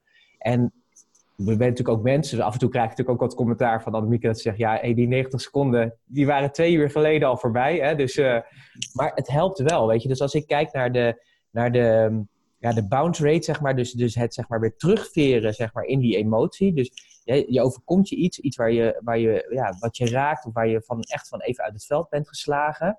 Dan merk ik zeg maar dat waar ik vroeger echt soms weken nodig had om weer terug te komen, dat dat nu gewoon in, vrij snel, dat dat soms al in een uur of in een paar seconden echt al weer positief de emotie anders kan neerzetten om een beter resultaat te halen. Want ja, het, het, het, natuurlijk moet je die emotie aandacht geven, maar je moet ook kijken van wat kan ik doen zeg maar, om weer verder te komen. En ja, dat is zo waardevol als je, daar, als je dat uh, kan toepassen.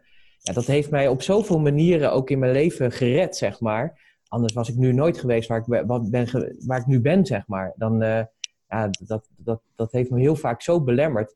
Ik, ik denk wel eens dat ik bewust soms, soms wel eens me, de groei van mijn bedrijf en mijn eigen potentie, door juist zeg maar erin te blijven hangen, enorm heb gestagneerd, zeg maar, uh, hierdoor. En ik denk juist doordat wat jij ook aangeeft, zeg maar, en dus dank je wel ook daarvoor, is, ja, weet je, je, je kunt het gewoon, je kunt het sturen. Jij kan bepalen hoe die zeilen, zeg maar, op die wind gaan, zullen we zeggen. Hè? Dus ook tegen de wind in kun je ook zeilen, zullen we zeggen. Dus ja, super waardevol, denk ik. Uh.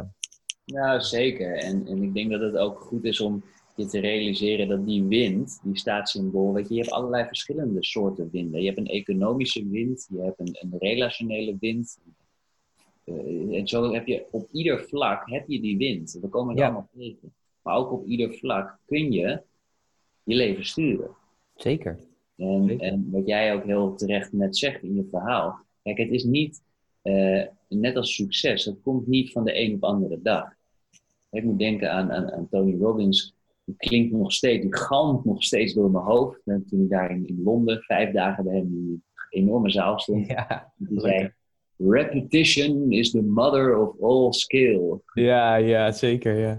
Uh, dus weet je, hoe vaker je iets herhaalt, uh, des te sterker je erin wordt. En des te meer je het gaat geloven. Het gaat om de overtuiging, het gaat om de vaardigheden die je zelf wil aanleren. Um, en dus ook dit, hè, mindset. Het is niet iets het is niet één boek wat je leest en in één keer denk je dat je het allemaal weet en kun je het. Maar het is net als jij en ik, eh, iedereen, en ik denk dat dat wel een, een, belangrijk en ook een goed besef is, dat we allemaal onze ups en downs hebben.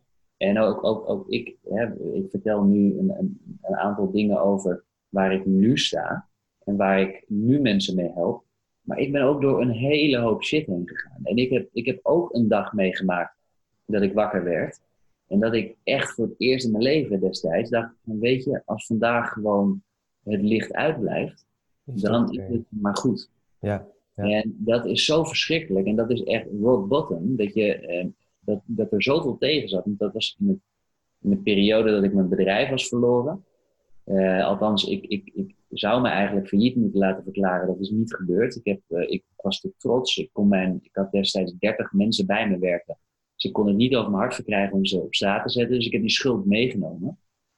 Maar uh, dat was onder andere gebeurd um, omdat mijn, mijn, goede vriend en collega overleed. En het hele bedrijf daardoor op zijn kop stond. En ik kon, ik kon dat gewoon niet handelen destijds. En financieel gingen we binnen één maand enorm achteruit. Ik bouwde ik een schuld op, ik kon mijn mensen niet betalen. En als er een financiële druk ontstaat, die elke dag heftiger wordt. En tegelijkertijd met, in mijn geval dan met een bedrijf te maken waarbij 80% niet kwam opdagen en de 20% die er nog was, gewoon geen resultaten binnenhaalde. Waar ik één op één uh, van afhankelijk was, want, ik zat in de sales, we deden direct sales. Als er geen resultaten waren, dan had ik geen omzet. Maar moest ik die mensen wel betalen. Ehm, en dan gaat het heel hard met 22 mensen op de payroll en, en 8 freelancers. Dus dat was iets wat zo veel impact op mij had, op eigenlijk ieder vlak in mijn leven. Niet alleen financieel, maar ook uh, in mijn, mijn, relatie.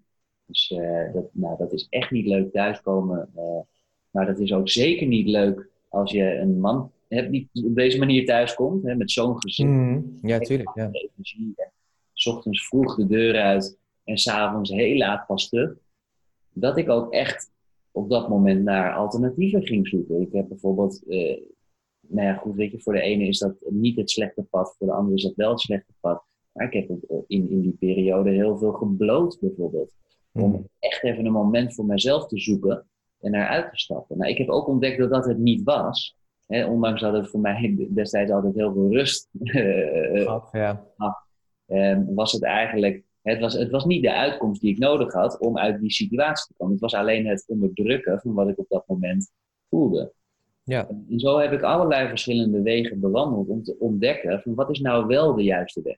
En hoe kan ik nou met, uh, ja, hoe kan ik nou zo effectief mogelijk omgaan met de gebeurtenissen en omstandigheden in het leven.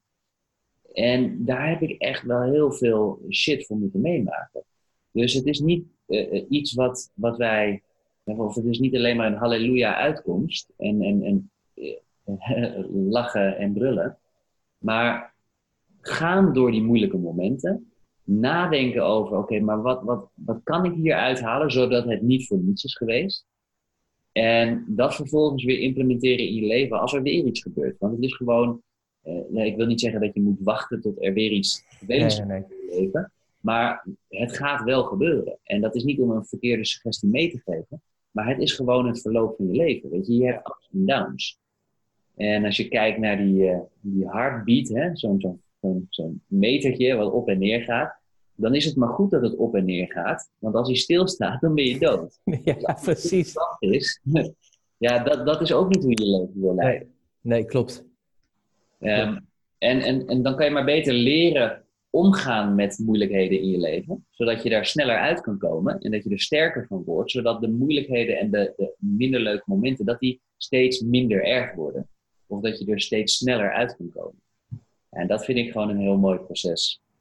Ja, superman. Echt heel erg mooi. En ook, ook mooi de kwetsbaarheid die je hierin deelt, zeg maar. Want ik denk dat dat ook zo herkenbaar is. Hè? Want het lijkt soms zo, uh, hè, als je vaak naar de buitenkant kijkt, dan denk je van ja, weet je, deze mensen die zijn soms geboren om met een gouden lepel weet je, in de wieg en dat gaat vanzelf. Dat lijkt soms, alleen dat is, ik, ik vind ook mooi, ik heb de laatste keer op social media of zo, of een tijd terug al ergens zo'n plaatje zien van zo'n ijsberg over succes. En dan zien we natuurlijk, we zien vaak alleen de buitenkant, hè? de top, de mooie auto of het huis of, whatever, zullen we maar zeggen. Maar we zien niet de onder, zullen we maar zeggen. De struggle, het falen. Je bent een keer failliet gegaan door de, de situatie van het overlijden van dus die vriend en, en collega. Wauw, weet je hoe kom je daar overheen? Weet je, dat, ja, ik begrijp dat helemaal, dat je dan alles kwijtraakt. Ja, dat heeft natuurlijk effect op alles en iedereen, op je relatie, op wat dan ook.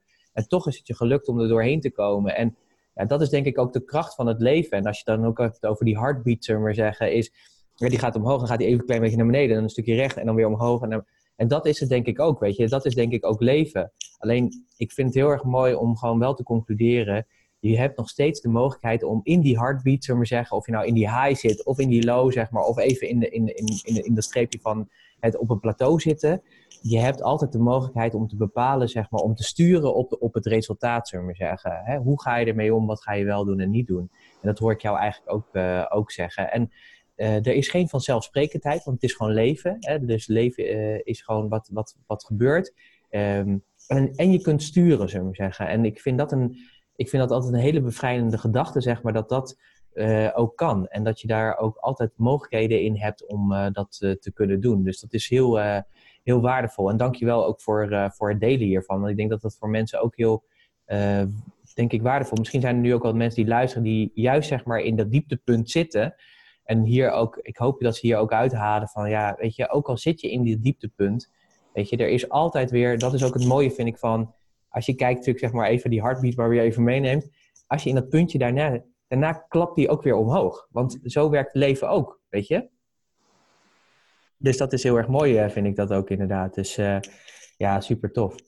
Hey, wat ik ook heel erg bijzonder aan jou vind, is dat als je kijkt, je helpt hier natuurlijk ondernemers mee. En uh, uh, het gaat natuurlijk heel vaak over die interne story en extern. En de, de, de, sales die uiteindelijk daaruit voortvloeien en de mindset. Maar wat jij ook doet, en dat zie ik weinig tot bijna niemand doen, is dat jij zegt van als je bij mij in een traject ingaat, hè, we gaan zeg maar doorbreken van die dingen die je tegenhouden dan garandeer ik je ook 100% resultaat, zeg maar. Dus uh, je betaalt natuurlijk goed voor je diensten, want dat is het ook absoluut waard. Uh, maar je zegt ook van, joh, weet je, ik ga net zo lang met je door. Het maakt mij niet uit wat er voor nodig is. Uh, maar wat er ook gebeurt, 100% resultaat. Wauw. Vertel eens, hoe, hoe, hoe, doe je dat? Hoe, hoe, hoe en waarom, zeg maar? Ja. ja, dat is een, een uitspraak die veel mensen mij hebben afgeraden. Um, maar die ik heel erg belangrijk vind. En, en eigenlijk, kijk, als we het hebben over dienstverlening. Natuurlijk is het niet zo dat iedereen in iedere situatie altijd geholpen kan worden.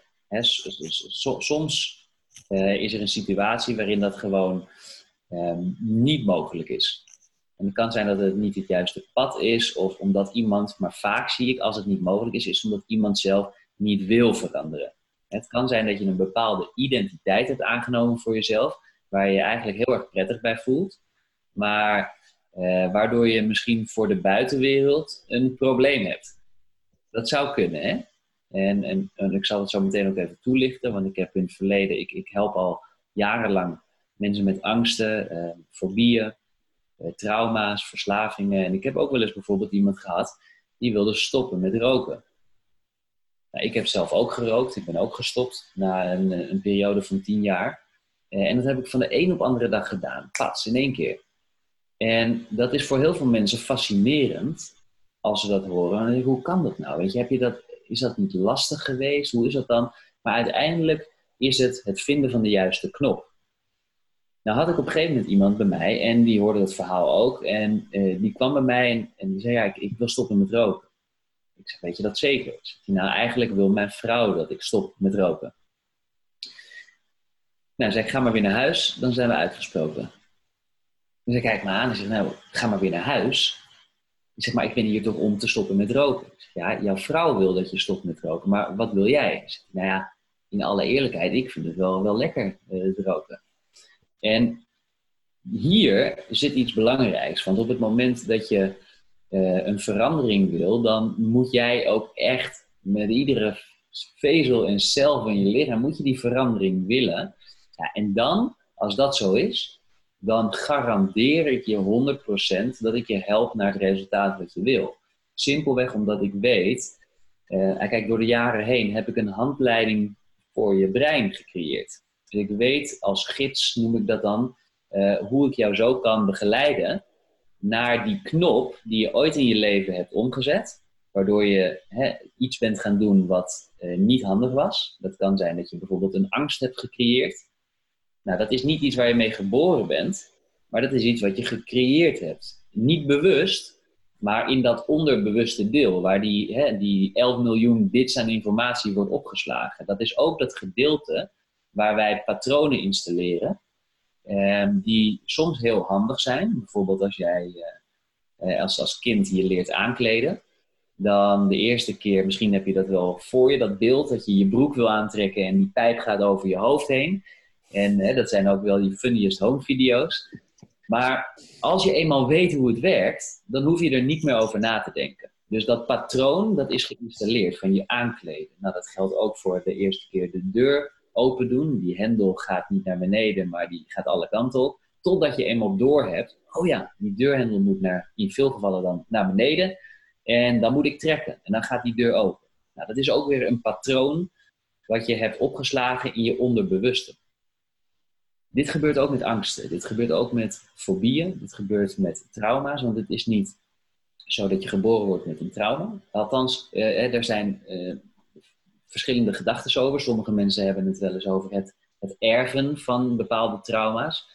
Uh, en ook dat kan een waarheid zijn en ook daar help ik mensen mee. Alleen laten we er even van uitgaan dat eh, als we het bijvoorbeeld over een trauma hebben, het kan zijn dat je bijvoorbeeld een auto-ongeluk gehad hebt. je, je, je, zat met uh, twee man in de auto, beiden hetzelfde auto-ongeluk. De ene die komt er zonder kleerscheuren uit en die rijdt een week later weer in een auto. Maar de ander die heeft er een trauma aan overgehouden en die durft nooit meer een auto in te stappen. Omdat die bang is dat het weer gebeurd is. Nou, dat noemen we dan, hè, als we het een label geven, een trauma. Want die durft geen auto meer in te stappen. Dat is een moment geweest waarop je dat opgeslagen hebt in je onderbewustzijn. Alleen omdat dat zo'n enorme zee van ruimte is, waar al die informatie in al die jaren tot nu toe is opgeslagen, dat het echt een, een best wel een, een, een hell of job kan zijn om die juiste knop te vinden. Want waar zit nou dat moment, dat knopje wat je hebt omgezet? Nou, dit geldt voor allerlei patronen en gedragingen die wij hebben.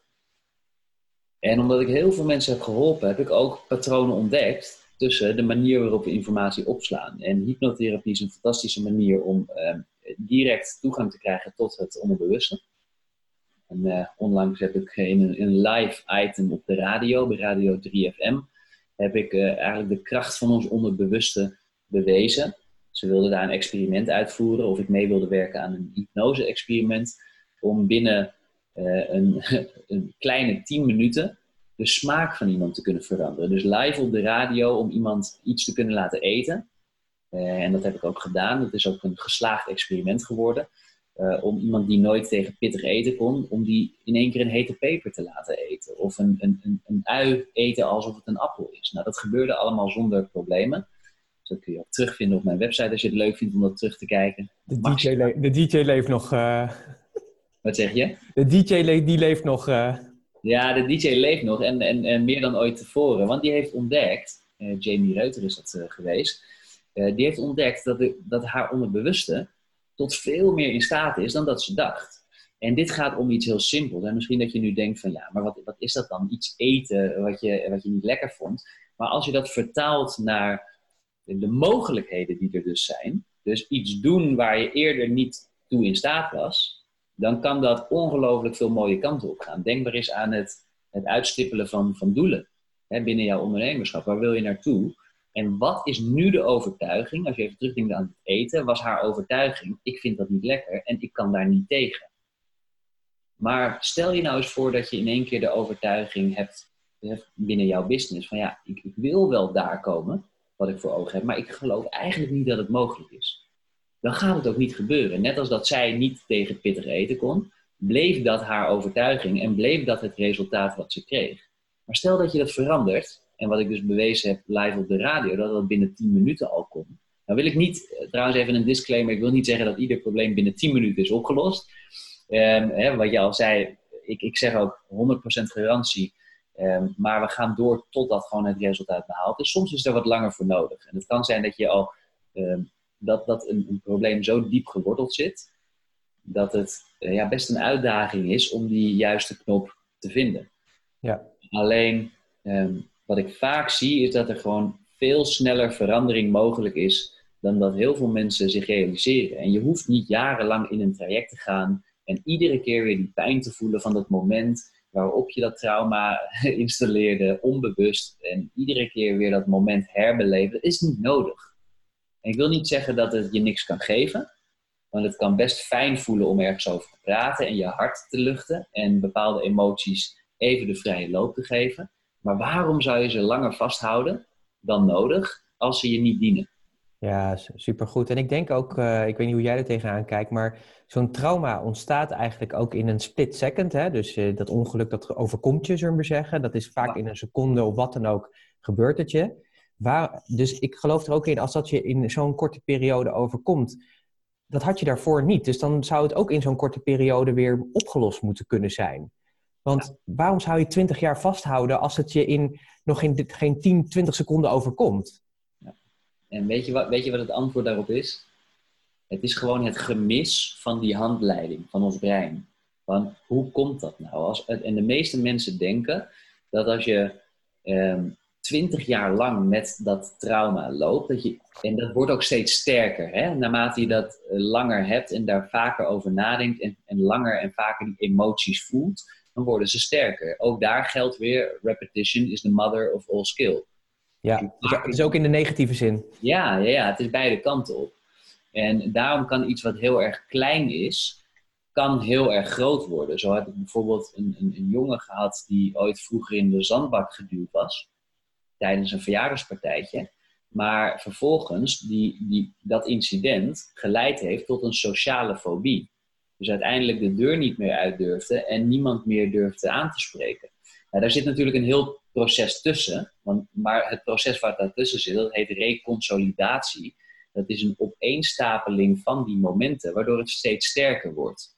En het grappige is, dan denk je, als, als jij nu terugdenkt aan een incident, dan denk jij niet per se terug aan het moment van dat incident, maar je denkt terug aan de laatste keer waarop je terugdacht aan dat incident.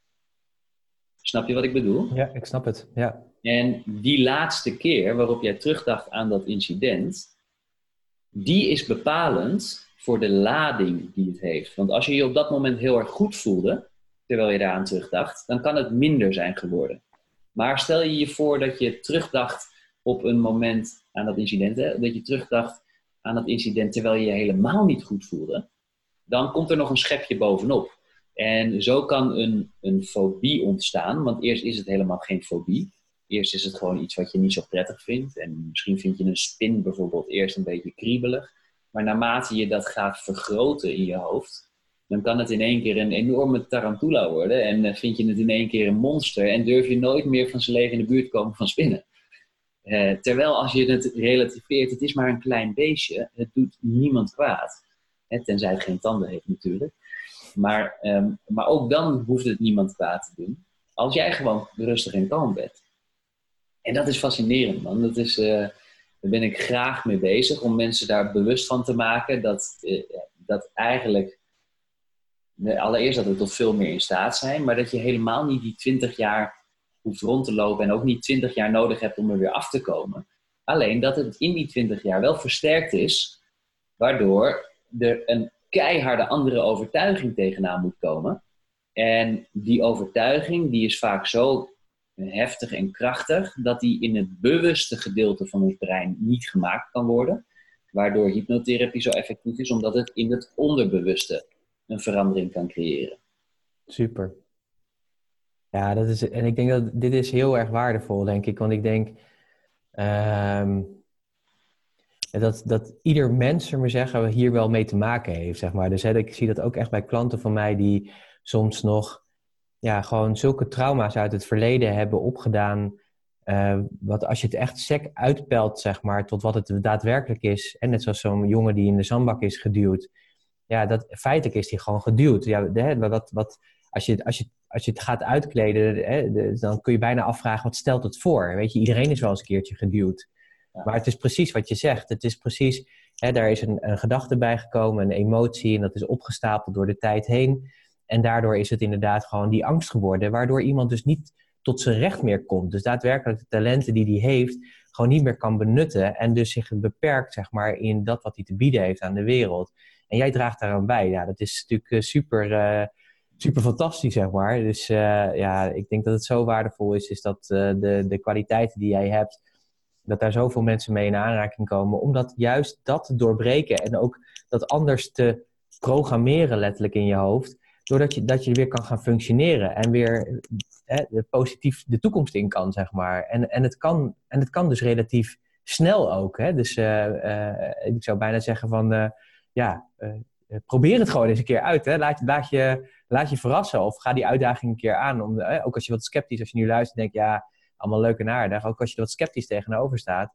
Uh, in die zin van, dat je toch denkt, nou, nou misschien, misschien, misschien zou het ook echt wel, wel, wel waar kunnen zijn eigenlijk. En um, ja, ik vind het wel mooi. Misschien is het ook wel leuk. Uh, ik denk dat je dat filmpje van 3FM, dat heb jij denk ik vast wel ergens. Ja. Um, waar, kunnen, waar kunnen mensen dat vinden? Ja, je kan dat terugvinden op mijn, mijn, mijn website is www.maximaleinvloed.nl. Ja. Het filmpje terug wil vinden, dan uh, vind je ook op de homepagina middels een knop. Maar als je er rechtstreeks naartoe wil gaan, dan ga je naar maximaleinvloed.nl slash hypnose. Oké, hypnose. Nou, ik neem die ook op in de podcastnotities, dan kun je hem daar nog een keer terug, uh, terugvinden. Ja. Maar uh, heel erg mooi. En wat ik ook heel erg uh, super tof vind, want in de voorbereiding voor dit gesprek, toen hadden we het erover hoe waardevol het is, zeg maar, dat wat je doet. En dat je ook mensen wil uitnodigen, dat je die nu luisteren of kijken, dat je zegt van, weet je, wil je graag een keer gewoon met jou in gesprek hierover, hè, dan ben jij bereid om in je agenda wat tijdstippen vrij te plannen, zeg maar, om dat die blueprint to succes, hè, voor succes, zullen we zeggen, waar je gaat kijken van, waar sta je nou, wat houdt je tegen, wat belemmert je, om te kijken van uh, hoe je daar uh, iemand bij kan helpen. Nou, dat vind ik echt super tof dat je dat wil, wil doen, zeg maar. Dus als luisteraar zou ik ook zeggen en kijker van, maak daar absoluut gebruik van. Hè? Dus je kunt rechtstreeks in Jaap zijn agenda boeken. Dat doe je door te gaan naar bookme.name slash Jaap Hulsman. En Jaap Hulsman is Hulsman met dubbel N zodat je, uh, dan kom je ook bij de juiste uit, zeg maar. Maar misschien is er ook wel een slash met één N. En ik weet niet waar je dan terecht komt. Maar ik neem die ook nog op in de podcastnotitie. Zodat als je dat uh, wil, maak daar gebruik van. Jaap die heeft gewoon door de tijd heen een aantal momenten, zeg maar, speciaal voor jou gereserveerd. Om je ook verder te kunnen helpen. Omdat ook zijn visie en doel is, zoals je hebt kunnen horen, ja, te gaan naar die 100.000. En daar is dit er ook weer eentje van. En als je geraakt bent door dit gesprek en als je denkt van ja, dit gaat over mij, weet je, doe jezelf een plezier, geef jezelf dit cadeau, zeg maar. Dus ik zou je dat eh, van harte willen aanraden om, uh, om dat te doen. Ja, mooi. Ja, weet je, het is, het is gewoon niet, en dat is ook de reden om, om hem nog eventjes terug te pakken. Jij, jij stelde me net de vraag, 100% succesgarantie, hoe kan je dat nou doen? En je hmm. ziet dat nergens anders terug. Dat is ook precies de reden waarom ik dat gedaan heb. Als we het hebben over een, een, een angst, een belemmering, een blokkade, eh, dan is die er om vanaf te komen als je daarmee aan de slag gaat. Je wil er vanaf. Maar vaak genoeg zie ik mensen die, die gaan trajecten in en die zijn uh, een hele ziel en zaligheid uh, stoppen ze erin. Gaat ook vaak een flinke investering uh, meegepaard. Alleen na verloop van tijd zijn ze er misschien, misschien niet of niet volledig vanaf. En dat vind ik schrikbarend en ook kwalijk. Als je ergens voor betaalt en je krijgt niet het resultaat wat je wil. Nou heb ik ook gekeken natuurlijk naar wat is nou de grootste um, obstakel van mensen om van hun obstakel af te willen komen. En waarom, als jij ergens mee loopt en het belemmert jou in jouw groei, in jouw uh, doen en laten, dan is dat niet alleen die obstakel die in de weg zit. Het heeft vaak invloed op uh, je vertrouwen, op je relaties, op jouw energie, op jouw slaapritme, op, je, op heel veel. Op zoveel dat daar haast geen prijskaartje aan vastgehangen kan worden, wat dat waard is. Tegelijkertijd, hè, dat zal voor mij al een motivatie zijn om te zeggen: ga nou aan de slag met datgene wat je belemmert. Want het levert je zoveel meer op als je er nu vanaf komt, dan dat je er nog jaren mee blijft lopen. Ja, ja, dat is niet in geld uit te drukken, ook niet in tijd, ook niet in energie. Dat is gewoon iets wat, wat ik je echt op je hart wil drukken. Doe dat nou. Alleen omdat er dan nog steeds heel veel mensen zijn die toch dan nog twijfelen. Omdat ze zeggen, ja, maar hoe weet ik nou dat dit werkt? Want ik ben al daar en daar en daar geweest. Dan is de enige obstakel is nog garantie. Mensen willen gewoon garantie hebben. En dat snap ik ook. En als het om zoiets gaat, zoiets belangrijks, dan heb je ook iemand nodig die jou met zoiets belangrijks kan helpen. Dus dus je wil gewoon resultaat. Dus vandaar dat ik besloten heb om te zeggen: ik ga gewoon 100% resultaat bieden. Uh, enerzijds omdat het natuurlijk uh, direct één op één aansluit op mijn missie. Ik wil echt die impact maken. En dat kan ik alleen als ik ook resultaat lever. Maar tegelijkertijd omdat het ook iets is wat heel erg nodig is. Omdat, weet je, je leeft gewoon maar één keer. Waarom zou je het voorbij laten gaan op een manier die jou niet dient, die niet lekker is? Dus zodoende. Dus dat is eigenlijk waar ik, uh, waarom ik gezegd heb, nou 100% resultaat, dat is waar ik voor ga.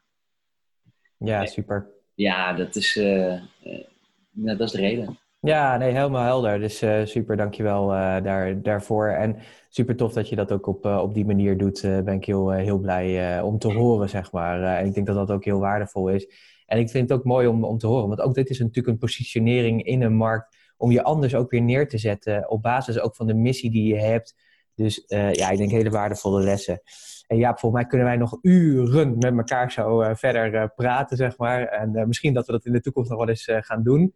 Um, ik zou je nog één vraag ter afsluiting willen, willen, willen, willen vragen. En dat is eigenlijk wat ik iedereen doe die ik interview. En dat is, welk advies, zeg maar, zou jij uh, de luisteraars, kijkers mee willen geven? Uh, ja, wat, wat is het meest waardevolle wat jij hebt geleerd en wat je graag door zou willen geven? Mag ik daar twee lessen van maken? Zeker. Ja, want eigenlijk uh, hebben we het er net al over gehad. Um, we, eigenlijk zijn ze allebei al ter sprake gekomen. Eén is, ik noemde het al eerder, wat ik een hele belangrijke vind, is als je ergens wil komen in het leven, luister dan altijd naar degene die daar zijn waar jij wil komen. En niet naar degene die daar niet zijn. Want hoe goed het advies ook bedoeld kan zijn, en vaak komt het, het, het advies, zeker ook vanuit liefde, van de mensen die het dichtst bij je staan, maar die willen je beschermen. Maar als ze niet daar staan waar je heen wil, dan is het ook vaak niet het beste advies. Want ze zijn daar niet waar je heen wil. Dus ze kunnen je niet dat advies geven. Dus dat is mijn allereerste. Dus luister dus naar die mensen die, hè, die die ervaring hebben en dat advies ook kunnen geven. Ja, en een tweede is, eh, wacht niet met je dromen realiseren. Wacht niet met je doelen realiseren. Als er iets is wat je op dit moment in de weg staat, daar hebben we het net natuurlijk uitgebreid over gehad, waarom nog langer mee rondlopen? Weet je, er, er zijn opties, er zijn oplossingen. Eh, stop niet met zoeken. Maar ga daarvoor. En zet vandaag gewoon die eerste stap. Pleeg dat telefoontje wat je eigenlijk moet plegen. Ehm, bel die klant op, wat het ook mag zijn. Weet je, is het een persoonlijke issue, een uitdaging, ga daarmee aan de slag. Maar uh, ja, het leven is veel te mooi. Ma maak er wat van. Ja, super mooi. Dankjewel Jaap. Echt dankjewel voor dit mooie interview. Uh, ik zou zeggen, kijk eens even op zijn website maximaleinvloed.nl. En uh, als je met hem eens in gesprek wil gaan over die dingen die je tegenhouden, over die interne stories die, waarvan je denkt, ja, shit man, weet je, die helpen me niet. En inderdaad, weet je, het leven is te mooi, dus wacht daar gewoon niet mee. Ga daar dan naar bookme.name slash Jaap Hulsman met dubbel N aan het eind. Ik neem het allemaal op in de podcastnotities. Die kun je gewoon lekker downloaden. Dan heb je alles tot je beschikking om eigenlijk weer de volgende stap, de next level in je bedrijf eh, te realiseren, in je ondernemerschap. Dus maak daar lekker gebruik van. En Jaap, heel erg dankjewel voor je, voor je kostbare tijd dat je die wilde besteden. En uh, ik ben super blij met dit, uh, dit gesprek. dit is weer een hele mooie, mooi pareltje in de vele pareltjes die we al hebben mogen maken. Dus uh, dankjewel. En wie weet dat we in de toekomst nog eens een keertje weer verder gaan. Want wat ik net al zei, zeg maar, volgens mij zijn we al meer dan een uur onderweg misschien nog wel een stuk langer, maar dat maakt eigenlijk ook helemaal niet uit. Het gaat gewoon uh, heel goed en het is heel waardevol. Dus uh, top man, dankjewel. Uh. Graag gedaan. Jij ook bedankt. Ik vond het een mooi gesprek. Leuk. Super. Dit was het zeer waardevolle en uitgebreide interview met Jaap Hulsman. Ik, ja, ik, ik heb er heel veel mooie lessen uit gehaald. Die hebben, kun je natuurlijk weer terugvinden in de podcastnotities. Ga daarvoor naar puurs.nl slash podcast 217. Puurs.nl slash podcast 217.